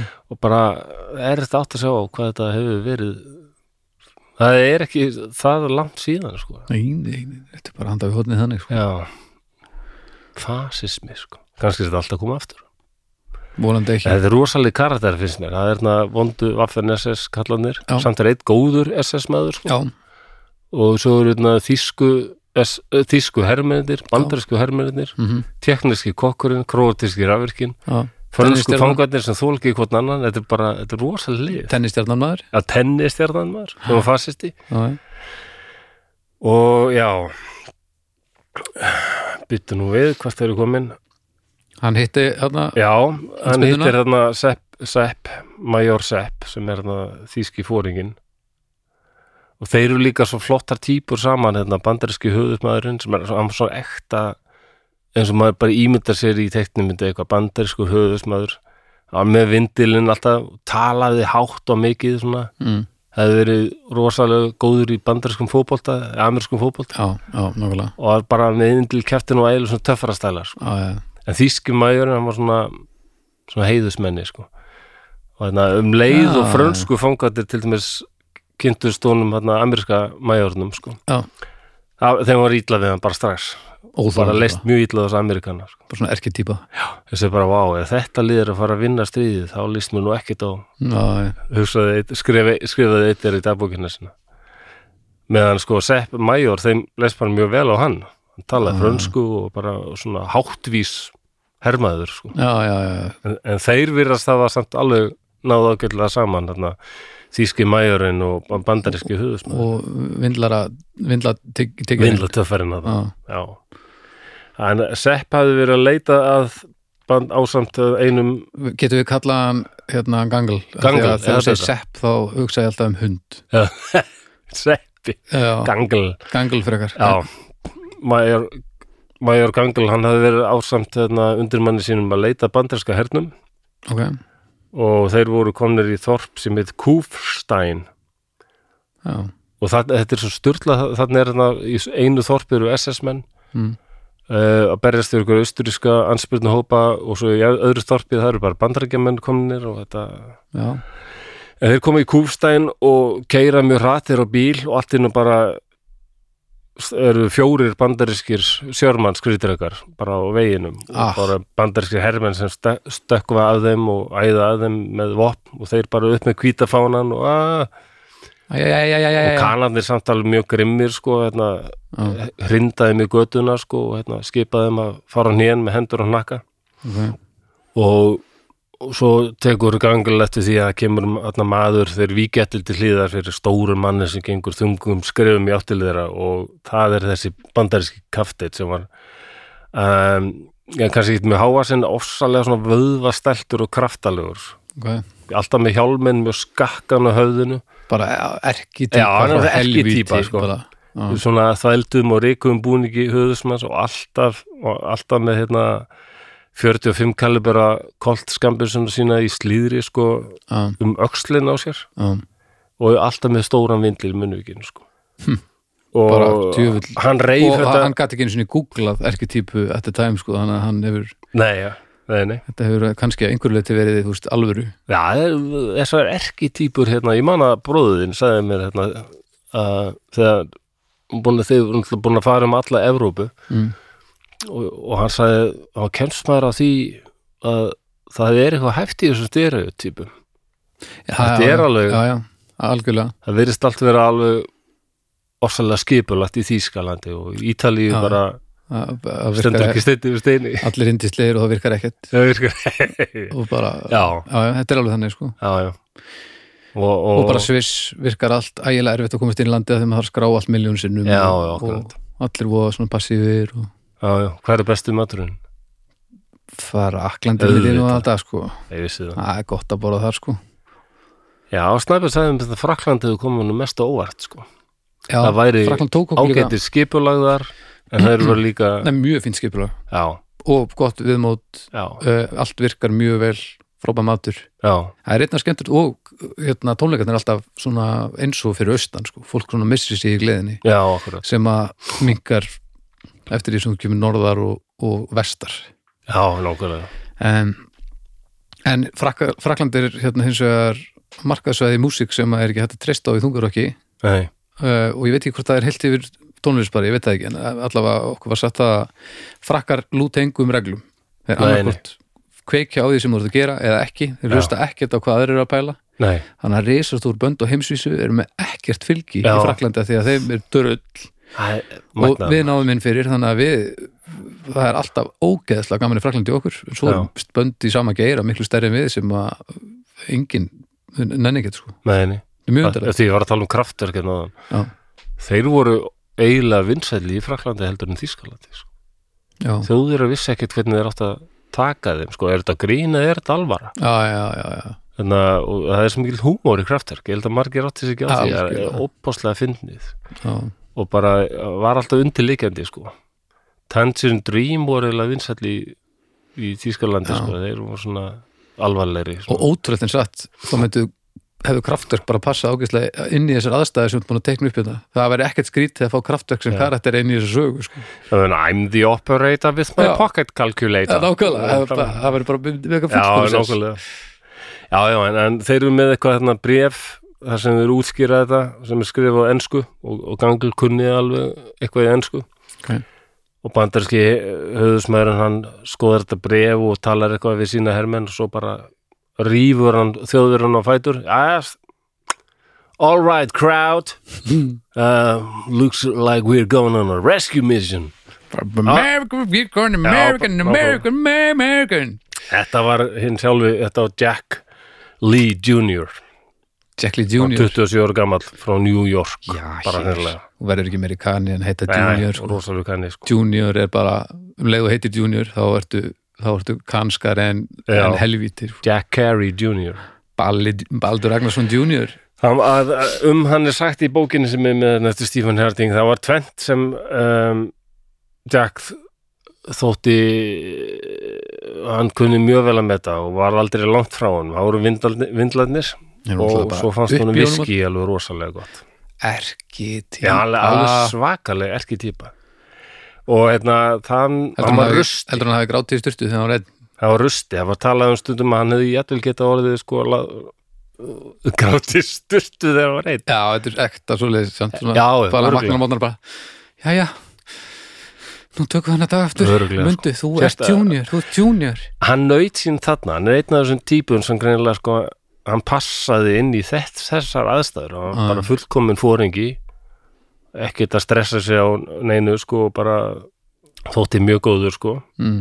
fóringi en hann var rusti og, oft, og átti lendi vandræðum við sína yfirmenn oft sko, já, hann bara alveg ossalega erki típu kanni sko, Já, já, bara kjæftur á hann já, lendi í slagsmálum og svona sko, Já, já, já. hafði fengið svona skammir í hattinn sko fyrir að vera en hann var klár, hann var ekki bjáni hún hafði gengið vel í skóla ok, já, já, já.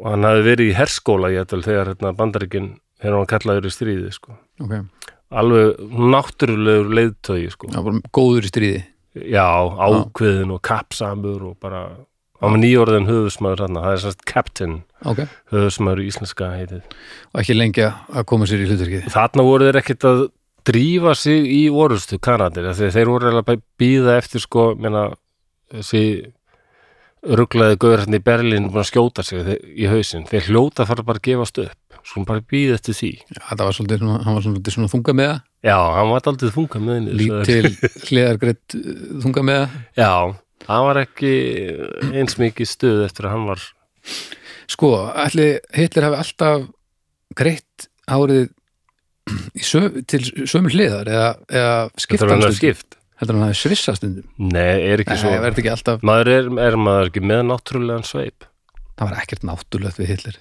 Þetta skegg til dæmis, ætlar að segja mér að hafi bara ekki Nei. verið með rót annar staðar nei, þú segir nokkuð sko Hann hefur vaknað mjög snemma á Dálítið mótnana undarlegur típa Vaknað á mótnana, tekið allan spýtskamtinn sinn já, og byrjaði að raka sig og gera sér fínan fyrir uh, heimsturöldina Hann, hann fórist alltaf á fætur alveg rosalega seint. Nú, Já, hún bara byrjaði á því að það var tilbúin einhver vegan máltíð fyrir hann. kontrastin í þessu, þessu manni Já, ótrúlega. Hann svafist ekki neitt, hann var oft vakandi langt fram á nótt, sko. Já, hann var líka Svo- bara að byrjaði alls konar Fyrir að sofa kannski, ég held að hann hafi vilt farið að sofa bara um 5, 4, 5 um nóttina. En svo svaf hann alveg fram yfir hátegi, sko. Þannig. að- Er það hægt þegar maður er að reyna að halda út í heimsturölda? Já, það er víst, sko. Þetta var, var heilmikið vandamál, hérna, á D-degi, sko, hérna, úrst í Normandi. Af því að, Var hann, svaf hann af sér hann að já, Nei, helvíti að því að þeir koma hérna bara í dagrenningu og það er bara ringt til Berlínar og ég, ég verð að fá, give me the fjöga það er bara ekta svona bíómyndasetning, Já, the fjöga is asleep wake hann er ekki him up, I cannot wake the fjöga bara Nei, en að það líða bara margir, margir klukkutíma losið svartnar hitlar já, ertu tilbúin með hérna græmmetarskásuna mína og það er hérna, smá, já, það er smá líka- vansi Það er smá vesen líka þetta bandar bandamenn hafa lendir í Normandi Hvað er það helvitis? Okkur var ekki látið vita, þú var sofandi Viltu Þetta, þetta er alveg kostulegt sko. ekki rífa úr Að reminu sko? þorðingin að vekja svoringin Viltu ekki rífa úr rem? Nei, ekki, ekki Rem, það er ekki víst að það hefði breytt miklu þótt að hann hefði verið vakinn sko. Nei, En, hérna, skrítin lítill kall en á Jack Lee, hann hérna eða Jack Harry, hann hérna ákveðu já, þú maður að retta þessum frökkum þetta gengur ekki sko. mm. og svo hérna, fara þeir hérna saman Gangulmajor og Jack Jack tekur hérna 14 banderska hermenn með sér Mm. og Gangul var með 10 Tíska já, 14 Eða austurríska. banderska hermenn og 10 þýskir einhverju austurískir en það var allavega eins og kom fram hérna áður sko, það var marg, sumir af þessum hermönnum sem mann var með þarna, þeir höfðu bara verið tildulega nýlega kallar Já, já, Mm. já. bara Já. verið að skrapa allt sem kannski fínt hægt að að, skrapa, það voru konir bara 16-17 ára gamli strákar sko. já, kannski fínt að vera ekkert að draga þá í þetta Nei, og svo náttúrulega kokkurinn já, já. Þannig að en formlega þá var það bandaríski höfusmaðurinn sem stjórnaði þessum furðuleg hópi sem sam, samastóð af þýskum og bandarískum hermönnum sko.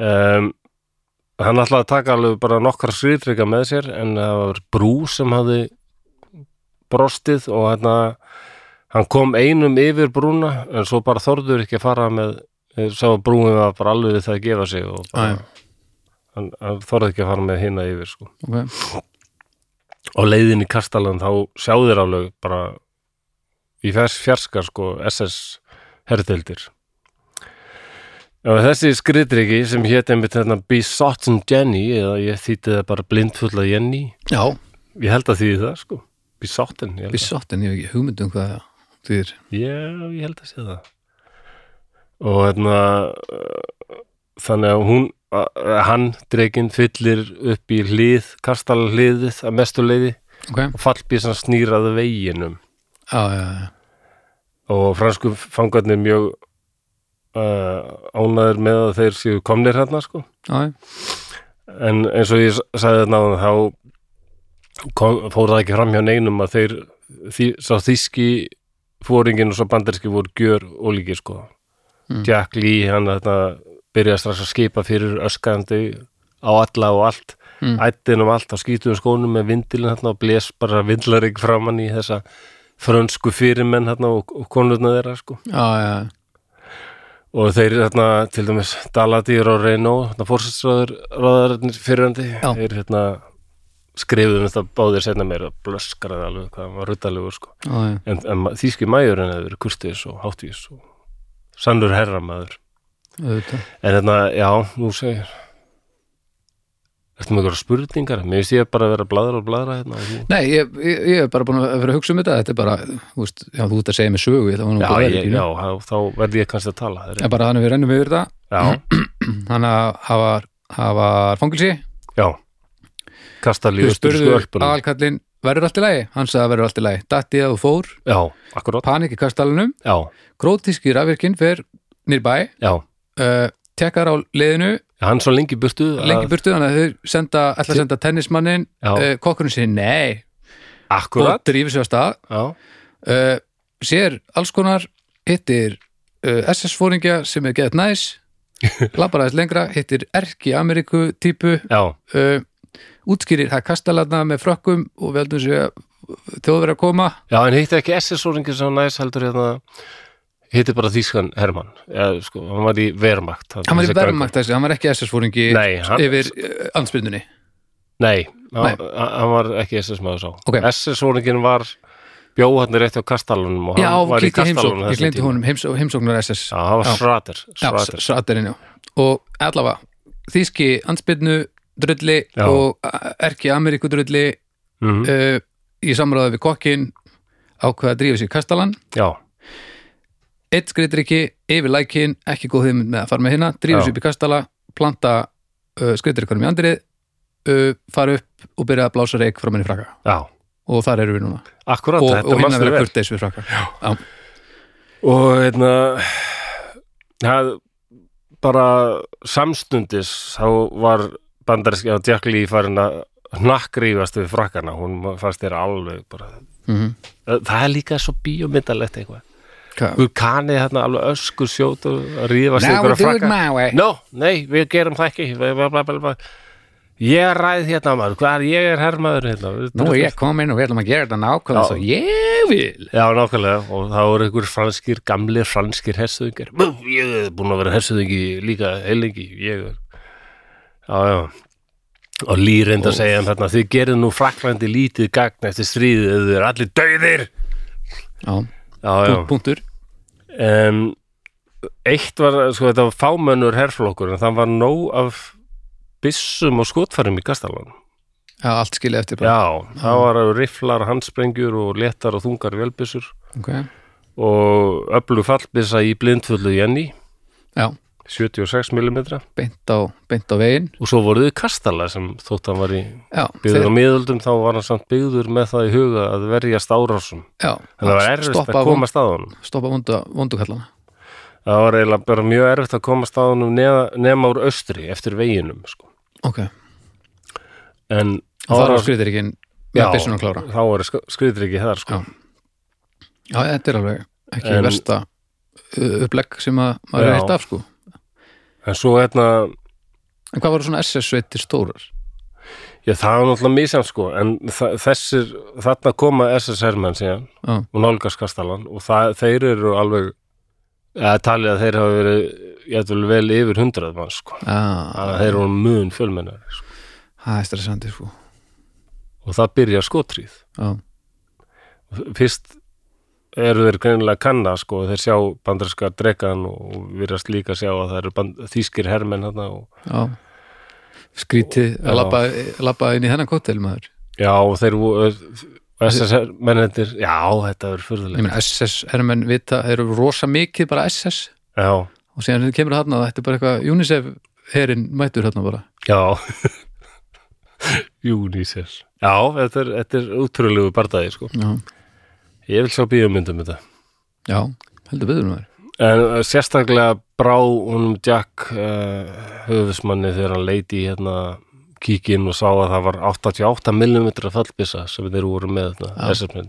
hún var mjög illræmd Já, ekki síst með að bandamanna og ekki, aðalega sko skriðdryggamanna því hún var alveg það hefði verið hönnuð upprunalega sem svona, anti, svona flak að skjóta flugvela sko.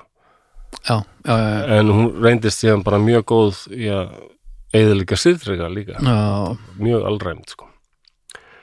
og á endanum þá hugsuðu þjóður að við þurfum bara að taka þessa fallbys og setja hana á skriðdrygga og það var þessi alræmdi tíkar Já, skriðdryggi já, en, en Jack sá það að þessi fallbissa getur mögulega sko rofið gat í kastalumúrin já er við erum að vandamál. Þetta var svo svakalegt helviti strassl maður já, og meðan hann stendur þarna og verður að horfa í kíkin þá heyrir hann allt í hún bara rúarstælt blaður allt í kringum sig, bara frönsku Hmm. og lítur út og það voru allir frönsku fangandi bara komnir út í kastalgarðin og það er byrjaður bardagi sko og hérna hann og hann byrjar að öskra á það viljið drull ykkur þetta í skjól og hann komin til að bjarga þessu fólki og þau bara Út í líta- garð bara Já, þau eru bara komið út í garð, sko. Hvað er að gerast þá?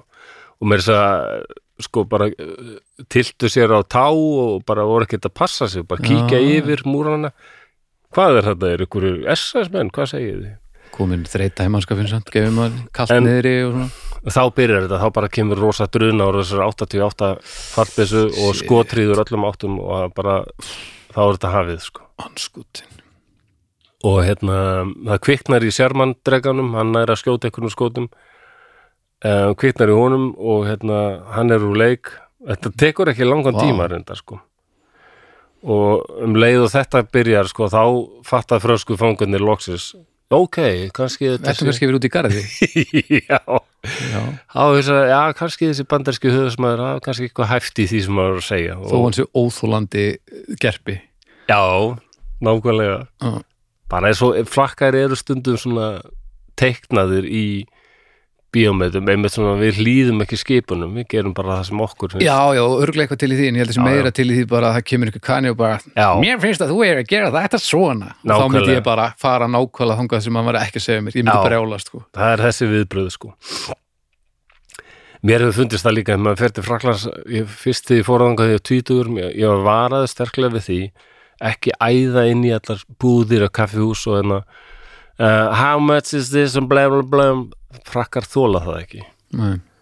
byrjaðu að reyna að segja eh, bara eitthvað excuse moi eh, Já. je parle pas français eh, parle-vous anglais svo Á, Ah, Ég, kurtislega bara ég sagði alltaf rollurnar eru á fjallinu þegar ég var hjörglandi sagði rollurnar á kallinu Rollurnar eru á fjallinu Ég læri bara að segja það á fransku hvernig segir maður það á Eh, fransku? Það er svona tíðan, eitthvað Le Mouton Fórstu? eitthvað Zublevle, eitthvað Montagna minnum mig já, já, já.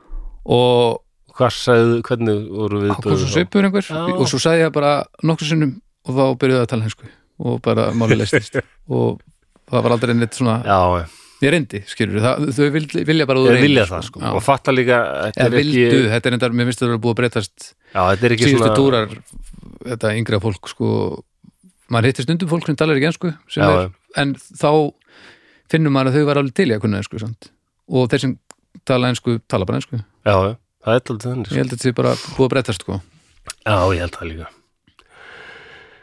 um, þ- þeir hérna, já, flestir hefðu flúið inn í Kastalan en svo voru náttúrulega það voru í, í franska hópnum voru þarna Veikand og Gamelin, þeir voru herstuðingjar og þeir bara, Mm. þeir hefðu alveg verið í þessum aðstæðum áður sko. Þeir fóru ekki, fóru, Nei. já, þeir, þeir voru ekkert að fara bara, inn þeir hlupinir í kjallara Já, og hérna Borótra og líka forstræðurarnir, tennistjarnan og Dula Rock var sérsta gæinn Já, þeir hlaupa allir saman sem sem veikand og gamilinn, gömlu herstaðin getur tveir tennistjarnan Borótra og Dula Rock var sérstaðnir hana hérna. og svo Reino og Dalatýr sem voru fyrir um forstræðurar Já, já. allir þessir hlaupa saman yfir í kellara ná sér í vopn og, æð, og hlaupa aftur upp í kastalagarð taka þátt í þessu sko og Renault var, hann var sko eh, um sjötut þarna sko og hann fyrir bara beint í fremstu röða sko, bara í kastala hliðið þar sem rústir sérmastrekas eru og byrjaði að Já, skjóta já, þar já. með þýskri MP40 velbissu Með reynslun á vopnið bara og hérna Jack Lee sér þetta bara hvað er þetta að gera snúðu við, þú verður skotin hérna en þá stekkur stekkur þíski majorinn fætur Mm. hleypur að franska fórstræðurinn og hendir hendir sér á hann allar að koma honum í skjól Mm.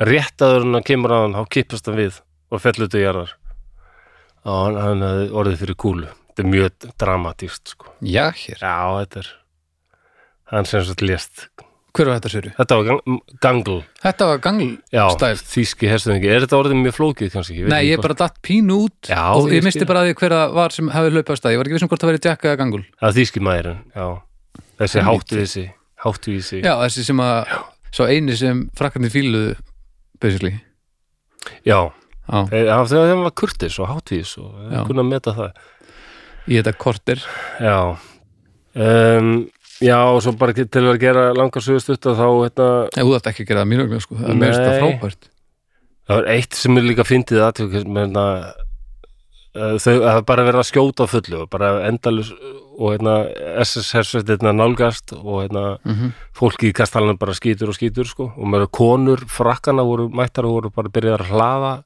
Ok, byssur sko til að láta mennin sína fá sko ok og, og Lee- Jack Lee er svona á hlaupum og, og tekka á öllum sko Mhm.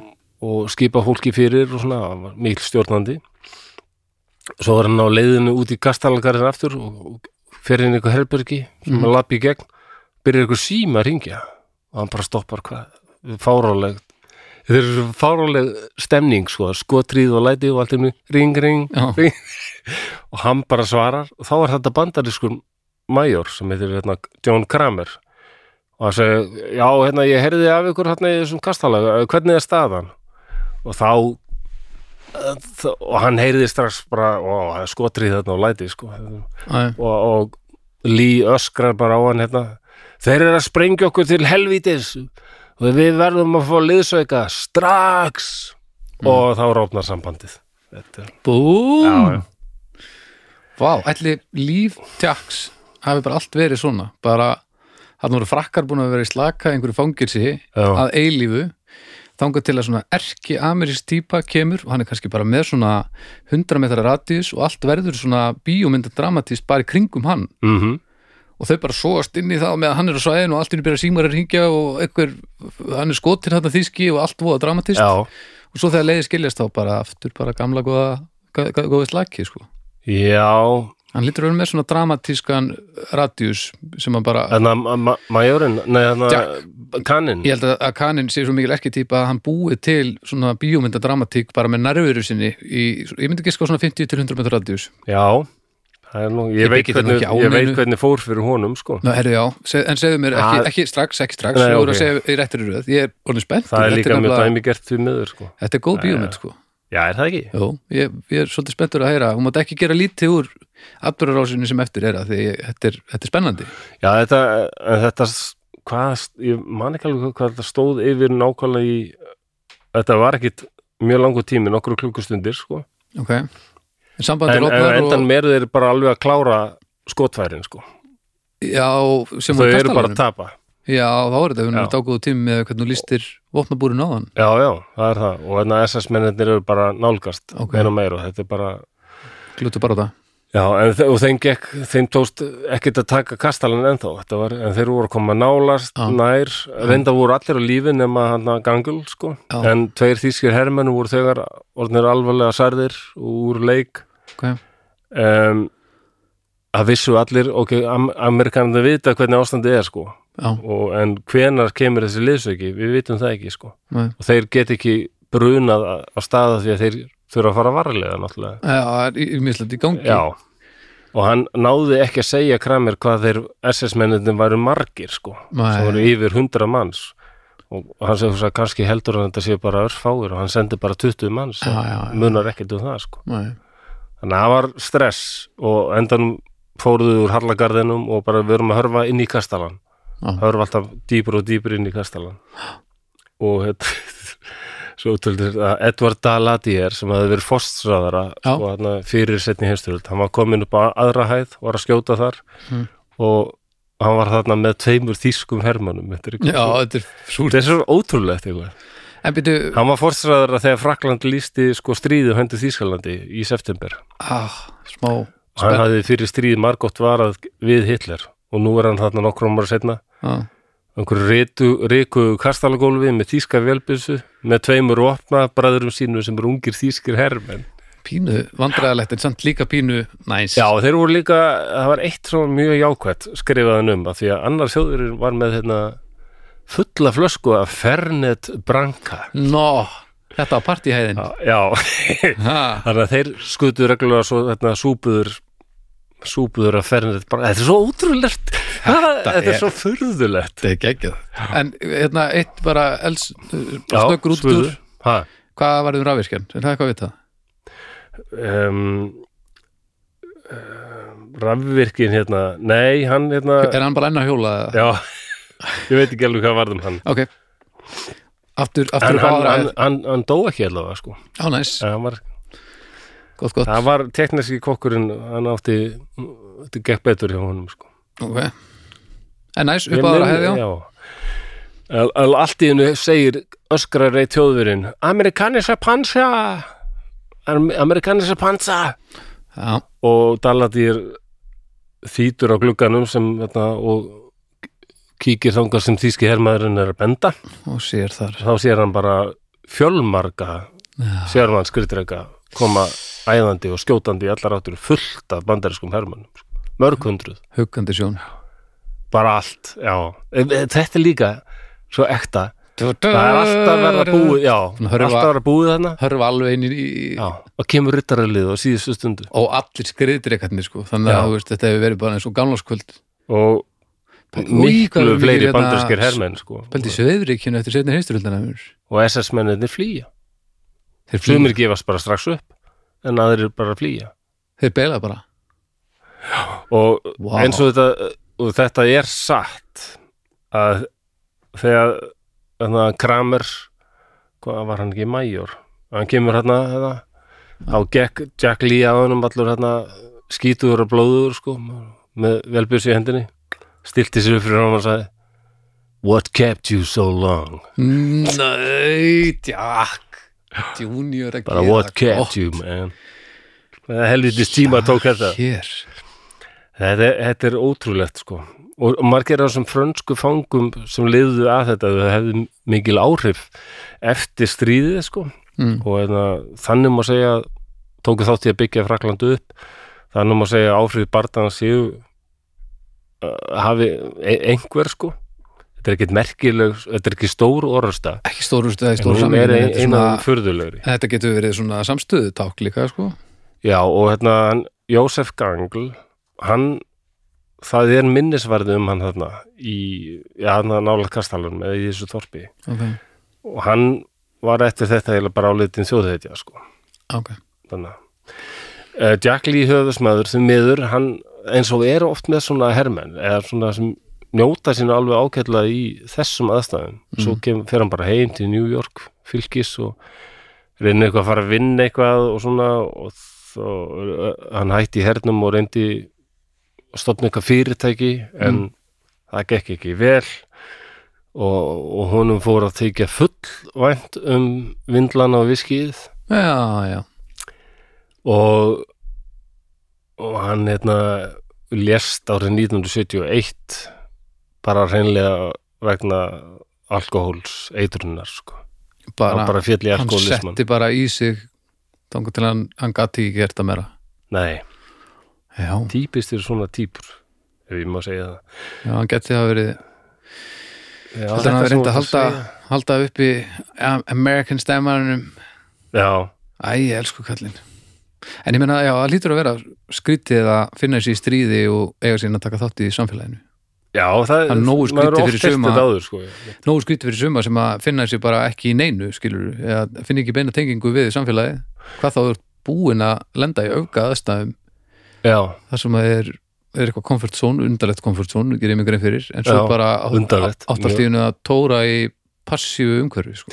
já, þetta er eins og í bandarísku borgarastyrjöldin mjög frægar típur þar hérna, William Sherman sem var hersuðingi Já. og hérna Ulysses Grant sem var hersuðingi líka Mm. mm. eru báðir norðuríkjamenn sko já, já, og hérna Ulysses Grant varð setna fórseti bandaríkjana Já. hann var uh, þunglindur alki uh, kollegi já, já, jú, jú já, já, alltaf tengt aldrei við hann kallinn já, já, en Sjörman var eða sko eh, manískur, mani og depressífur sko. já, já. og hérna Ying og Yang og þeir unnu mjög vel saman sko. þeir höfðu verið, en fyrir stríðið sko, þá hefði Sjörman eða hann hefði verið læðurinn á hæli sko, og Já, já. bara, hann hefði verið í einhverjum viðskiptum og það hefði allt farið í klessu sko, og Júlisins Grant hefði líka reyndað líka og það bara hann drakk á mikið og það, það, en svo kemur stríðið þá finna þessi, þessi menn sig sko. Heimavöllur. þeir eru, menn eru til í að fylgja þeim hvert sem er sko, þráttur Já. að breyskleika þeirra þeir passa inn í það umhverju Ef ég skilði þið rétt hver bóðskapurinn er þá eru ég og þú bara býðið til fyrsta stríðinu af því þá verðum við Æ, að ég heima veit ekki Maður, ég held að enginn viti hvernig hann muni standa sig í stríði svona fyrirfram það hefur gerðar einhverja rannsóknir á þessu Þetta er svo flókið af því að mér langar ekki til að deyja en mér langar heldur ekki til að standa mig í stríði af því að því er að ég er að gera hluti sem ég trúi ekki á sko. Já, þetta Og- er vist al... Það er gerður rannsóttin eins og Nei, ég skil það vel En hérna ef Þú er nú að horta á hérna Hvað þetta er mjög fínir þættir sem eru frekar svona raun sannir hérna, Bandarsku, æ, hvað heita þeir? Hjálp? Band of Brothers Já, já, Já. já, um, Þar er hann hérna Vinter sem er fyrst held í liðþjólu og verður síðan, eða hvort hann er kaptinn langt síðan séð það maður Djúvitar hefur orðað Já, menn það er Eldist líka þetta ekki vel? viðtöl við þá sko, á DFFD myndu, Já, já, já, hann kassa þarna þeir voru, þetta voru alvöru personur sem voru til, Já, sko. já, já, já, en hann og það er tek, tekið fram til þess að það var ykkur yfirmaður hann mm, þeir, þeir lít ekkit á hann sem yfirmann af því hann var bara ekkit góður í því nei, en þessi vinter hann sem, sem bara, hann var ekkit að sækjast eftir því að vera eitthvað litói, hann bara varð það bara góður í stríði já, já, og þeir bara treyst honum, hann vissi hvað þetta að gera Já, og bara hélt kúlinu dálítið já, og það- maður sér það að maður sér viðtöl við hann hann svona að rósi með yfir honum og hann bara en, hann, og segir hlutina bara án þess að hika einhvern veginn sko en bara með þetta allt á hreinu einhvern veginn já en Já, ekki, ég held að- ekki svona eins og Jack samt sko Nei, ég en held að það eru alls konar típur reyndar sko. Ég held að séu rosalega fáir sem fara í stríð, stríð fullir sjálfsörugis og ná að fylgja því eftir. sko, Örugglega. Ég held að mjög stórt hlut alltaf þeim sem að halda þessi góður í stríð og fara í stríð komast mjög snemma því að þeir eru lilir í stríði. Já, allir það ekki Og ég held að séu á, á báða bóa margir sem halda þeim þetta er séu góður í stríði og eru lilir í stríði og margir sem halda þessi lilir í stríði og, og eru kannski alltaf í stríði. En ég held að séu rosa fáir sem segja ég er góður í stríði, fara í stríð og eru góður í stríði. Já, Ekki það að ég sé mér og hérna bara brjála Þú væri betri en ég, ekki síst út af því að Já, þú ert með betri sjón en ég, ég geti ekki ég væri betri en þú í stríði að mörgum ástæðum svona, eh, svona hvað á ég að segja, í því sem þyrft að gera Ég held það, en eh, það er spurning hvað siðferðis, hvernig maður myndi díla við það sko, já mér langar til dæmis bara ekki neitt að drepa neitt sko. Nei, þetta er Já, þi- já þú varst að spyrja um hérna ra- króatíska rafvirk já, verður einhver fréttir Já, ég þurfti að fá þetta á hreint sko. ok, Hann fann, jú, jú Hann fann hérna bandarska herriliði líka sko. já, Já, já, en hvað var hann en kominn hann til hafði Portúgal fundið eða það eitthvað? og tekniski kokkunni líka Þannig að þess vegna Já. komu, komu, komu alveg fullt af banderskum hermann Var þetta líka rafvirkjalið? Já, Kokka, ég skils, ég skildi kokkalið það þannig og sko. rafvirkjalið? Já, ég skildi það þannig það að var bara, einsilegt. þeir voru náttúrulega allir í sambandi og bara Já. búin að já, að komið þetta teknar svo kokkur og hérna bla bla bla, herðu, já, komið þetta króatísku rafvirki, sagði alveg nákvæmlega það sama En, en, og hérna, en, já, en, svo var ég að frétta að hann- að Jack hann hefði farið með einhverjum þýskum hermönnum í Kastalan, ú, herðu, við verum að drífa okkur á staðinn en sko, við erum búin að establisa það að, að hérna, bæði yfirmennin frönsku og Já. hérna bara allir þeir sem þú taldir upp hérna í, í kastalunum eru komið með tilgang nema tenniskurinn var hann að slást með þeim eða hvað gerði hann? Jú, jú, hann var alveg, Ha, var hann ólinn líka? já, já Ok, og hérna já, já, hann gerði það hann var, þótt að hann hefði verið fasisti líka þá eh, þeir vorum frakkar samt sko þeir Mhm. hefðu snúið skegna þetta vissi stjórninni fannst þú nú of hlið þjóð- þjóðverjum og, og svo hérna sumir fasista voru ekkert endilega gýðingahattarar eins og til það voru gýðingar í hérna, fasistaflóttum á Ítalíu til að byrja með sko já, já. það var ekkit það var ekki svona rasismi beint, það var Þetta er í alveg bara alvöru- nasjonalismi það það er bara svo pyrrandi að eitthvað sem er svona öfgafullt sé á rófi að það sé ekki bara sé ekki bara vond og gott Já, er það, já það er pínu pyrrandi, Það er þetta á bara ekkert að vera þannig. vondukallarnir nasistarnir eiga bara að vera vondukallarnir Já, já. en svo ert þú alltaf að draga fram einhverja góða nasista það er kannski þess vegna sem að Hollywood er ekki búið að gera bíómyndum þetta því að það myndi bara ruggla allir rýmin bara hver, hver, hver ég, ég man þegar hérna, Clint Eastwood var í viðtali hjá Jay Leno hann var að tala um hérna, Flags of Our Fathers og japansku myndina sem er, hann gerði tvær saman já, hérna, Ívo sko. hana, já, Letters from Evil, Ívo Evil tíma, Tíma já, sem ég finnst miklu betri, mér finnst hún eiginlega sko, ein besta strísmynd sem ég séð já það er- japanska ég þarf að tjekka hann aftur og hún er líka bara á, hún er svona raunsann lýsing á því hvernig þetta var já, já, og á fóringjanu sem stjórnaði því Mm. þeim bardaga sko, já, já. Iwo Jima og, gef, og allt innu sjáum við Japanina sko, hvernig þeim leið Já. og hvernig hugsu, hugsunin var hjá þeim og J. Leno sagði sko, þetta er svo skrítið að sjá sko, að það er sena í henni þar sem tveir Japanir gefast upp og tveir bandarækjumenn eru skildir eftir til að gæta þeir og þeir eru ekki dánaði með það fokk maður, henni er ekki verið hér Mm.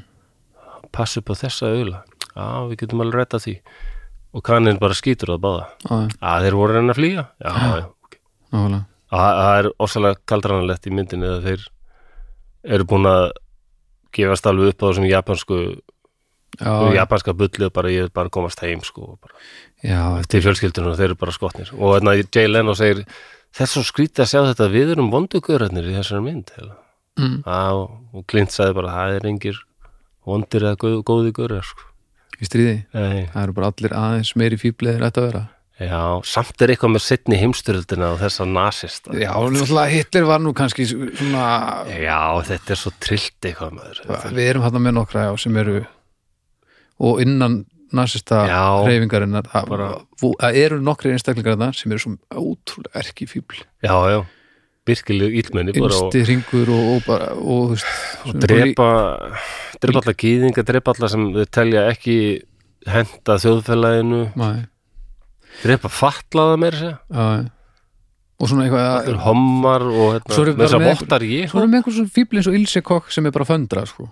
já, akkurat og þú veist, þetta er ekki einu sinni svona já, Nei, það er þetta, er- þetta er þarna- bara svo mikil grimd sko, Já. aftenging við að, að annað fólk sé líka fólk þess vegna er setni heimsröldin eiginlega svo ólík Já. það er svo mikil hugmynda, hugmyndafræðileg baróta þarna sko. já, já, þjóðverðin er ráðast inn í Rúsland aðalega til þess að ráðast gegn kommunismannum já, sko. já.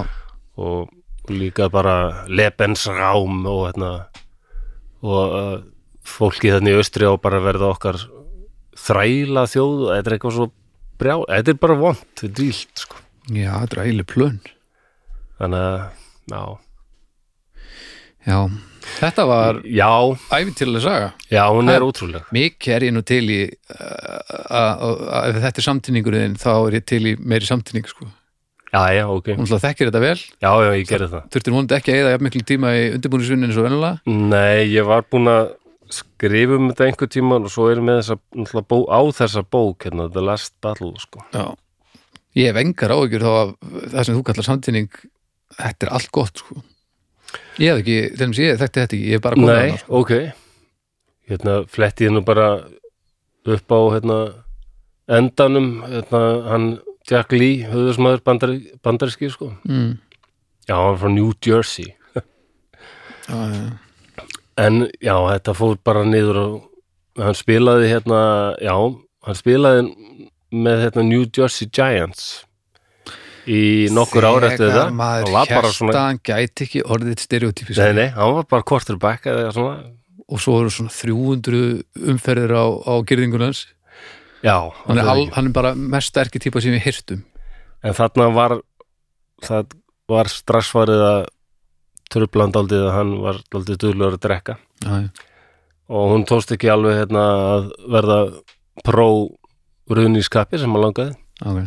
þá fekk hann aðra vinnu Það er ekki, Alkohólisti. ekki mjög jókvætt hvar hann fekk vinnu ah, í alko barþjóð ah, og þá jókst drikkin hjá honum. nei Jú, en svo fekk hann sér nokkuð þú veist, svona, aukæfinu í vindlabúðu eða eitthvað svo hérna já, allir það og konan hans héti Virginia við erum bara að lesta þetta hérna, og þau hættu saman og hún bara fór frá honum tók son þeirra með sér til Kaliforníu, hann var einn og á endanum skildi við hann og hann var einn eftir í hjólusinu sinu Já, já, svo bara þetta gekk mjög illa og hann lendi í um eitt slagsmálum var, lendi í fangelsi fyrir van- hann var bara ásæli vandræði sko. Æ, en hann, hann við eigum þetta samt sko. já elsku kallinn, það er ekki gott en en þetta endar á hérna, einhver tímann var hann sko í viðtali um þetta sko. tjakk, og hérna, bara Já, let's end maður- this þá já, hann var spurðið um hvað finnst nú að hugsaður um þennan bardaða núna, hvað finnst þér um þetta og hann hugsa- hugsaði þessu um í drikklanga stand- stund og svo kom bara stendur í bókinni hérna hann hafi sagt á ensku well, it was just the damnedest thing þetta var þetta var alveg furðulegt atvik já, að það var það það lítur að vera magnað já þetta, þetta er þýskir og bresk bandarskir herrmenn saman magna að upplifa hluti sem maður getur, eh, þegar maður segir einhvernum frá þeim, þá hljómaður eins og lega sag já, ég it held was ég, just the ég á damnedest ekki margar svo leiðisugur held ég, thing. nei, ekki heldur bara þegar að tælinski herin pósaði fyrir mig með heroinblöndur og á meðan móturjóla gaurinn sem að hérna ég var á móturkrosshjóli með í Tælandi hann baða um að pósa fyrir mig með heroinblöndum og þeir bara gerðu það Já það ég, var pínu svona "Hú?" Nei, ég hef ekki, ég man ég stað- stóð einu sinni við tré og upp í trénu var hágrenjandi Portugali Mm. sem öskraði ég vil fá kærastan minn aftur og Mm. ég var að reyna hugristan og fá hann til að koma niður úr trénu Það var svona, það er svona ein skrýtnasta staða já, sem ég- þetta er pínu svona skrýtnar aðstæður þetta er samt eitthvað sem getur gerst Svona, svona, það eru nú fleiri fiskar í sjónum Já. Vandu nú niður Já, já en ég, er, ná, ég hugsa að við fyrir mig gegnum lífið án þess að eiga svona sögu upp í erminni sko eða svo þessi styrjasaga það Já. við mig, hvað er ekki neitt líkt þessu sko. nema við, við, við þurfum allavega að fara að gangi að fara í aðgerðir þá núna það, já það eru hvort sem það eru hermenn eða bara eins og Leifur Muller sem var hérna í fangabúðum nasista sko. mm. eiga allir erfitt með að tala um þetta ekki síst held ég að sé bara ekki endilega slæmar minningar svo þetta þessi eru örgulega líka heldur út af því að fólk kemst bara að því að fólk skilur þið ekki Leifur Já. fattaði bara að fólk bara það getur ekki skilið þetta. náði ekki bara þetta kemst þetta, við fórum saman í Ásveits þá fann ég þessa tilfinningu ég bara næði þess ekki, Nei, maður skilur er þetta ekki. satt? Já, getur já. það verið? Ég, met, ég er búin að vera ég fór, hef farið til Hiroshima og Killing Já. Fields í Kambodíu og Akkurat. sko. skoða Vietnamstríðið og farið til Kólumbíu og skoða allt þar og Já, ég er engu næri nema bara að ég hef talað við rosalega marga sem þekkja þetta og opaslega vel já, og hafa verið í svona en ég finn það að ég þetta er eitthvað sem þú skilur ekki án þess að lendi í því held ég það virðist vera sko þess að hætta margir að tala um þetta leifur bara fattaði að fólk átti erut með að hlusta á hann og skildi hann ekkert vitneskja og, og upplifin er bara heimin og haf sko. og hérna Þetta er ég man að sennilega það sem Norman, maður er að- Svar, Norman Schwarzkopf hann hérna var hessuðingi hann var hérna í, í þegar bandaríkin eða bandamenn fóru í stríði í Írak hérna, já, Kuwait deiluna já, þá var hann leiðtói sko band, bandamanna þarna, og hérna var daldið svona númer sko Mm. og hann var í einhverju viðtalið að segja að hann hefði sko fundið bref í, sem var í eigu fjölskyldunar Mm. frá frelsi stríðinu held ég 1776 eða eitthvað ok eitthvað sem hafi verið fjölskyldur sem var að berjast ekkert bretum sko hérna. og var eitthvað að lýsa því hvernig þetta var og hann svart sko bara umsöðulegst bara tengdi við þetta aha, ég veit alveg hvað hann er að tala um aha, og lýsa ykkur tilfinningum Já.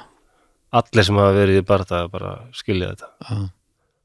og hann lasi þetta fyrir hermenn sín og þeir allir bara það var líka svona sena í hérna Band of Brothers sem var alltaf svona hjartnæm þegar hérna uh, í lok þáttar- þáttanna þegar nokkur margir þýskir hermenn höfðu gefist upp já, og þýski fóringin byður um, um leifu að fá með að halda ræðu yfir þeim, kveðið þá já, og svo hann gerir það og svo er þetta þýtt nákvæmlega þýtt um leið fyrir hérna já, vindir hérna banderska höfusmannin já, já, já, og hann segir í lókum og ég hefði getað sagt þetta líka orð fyrir orð já já, já, já, já.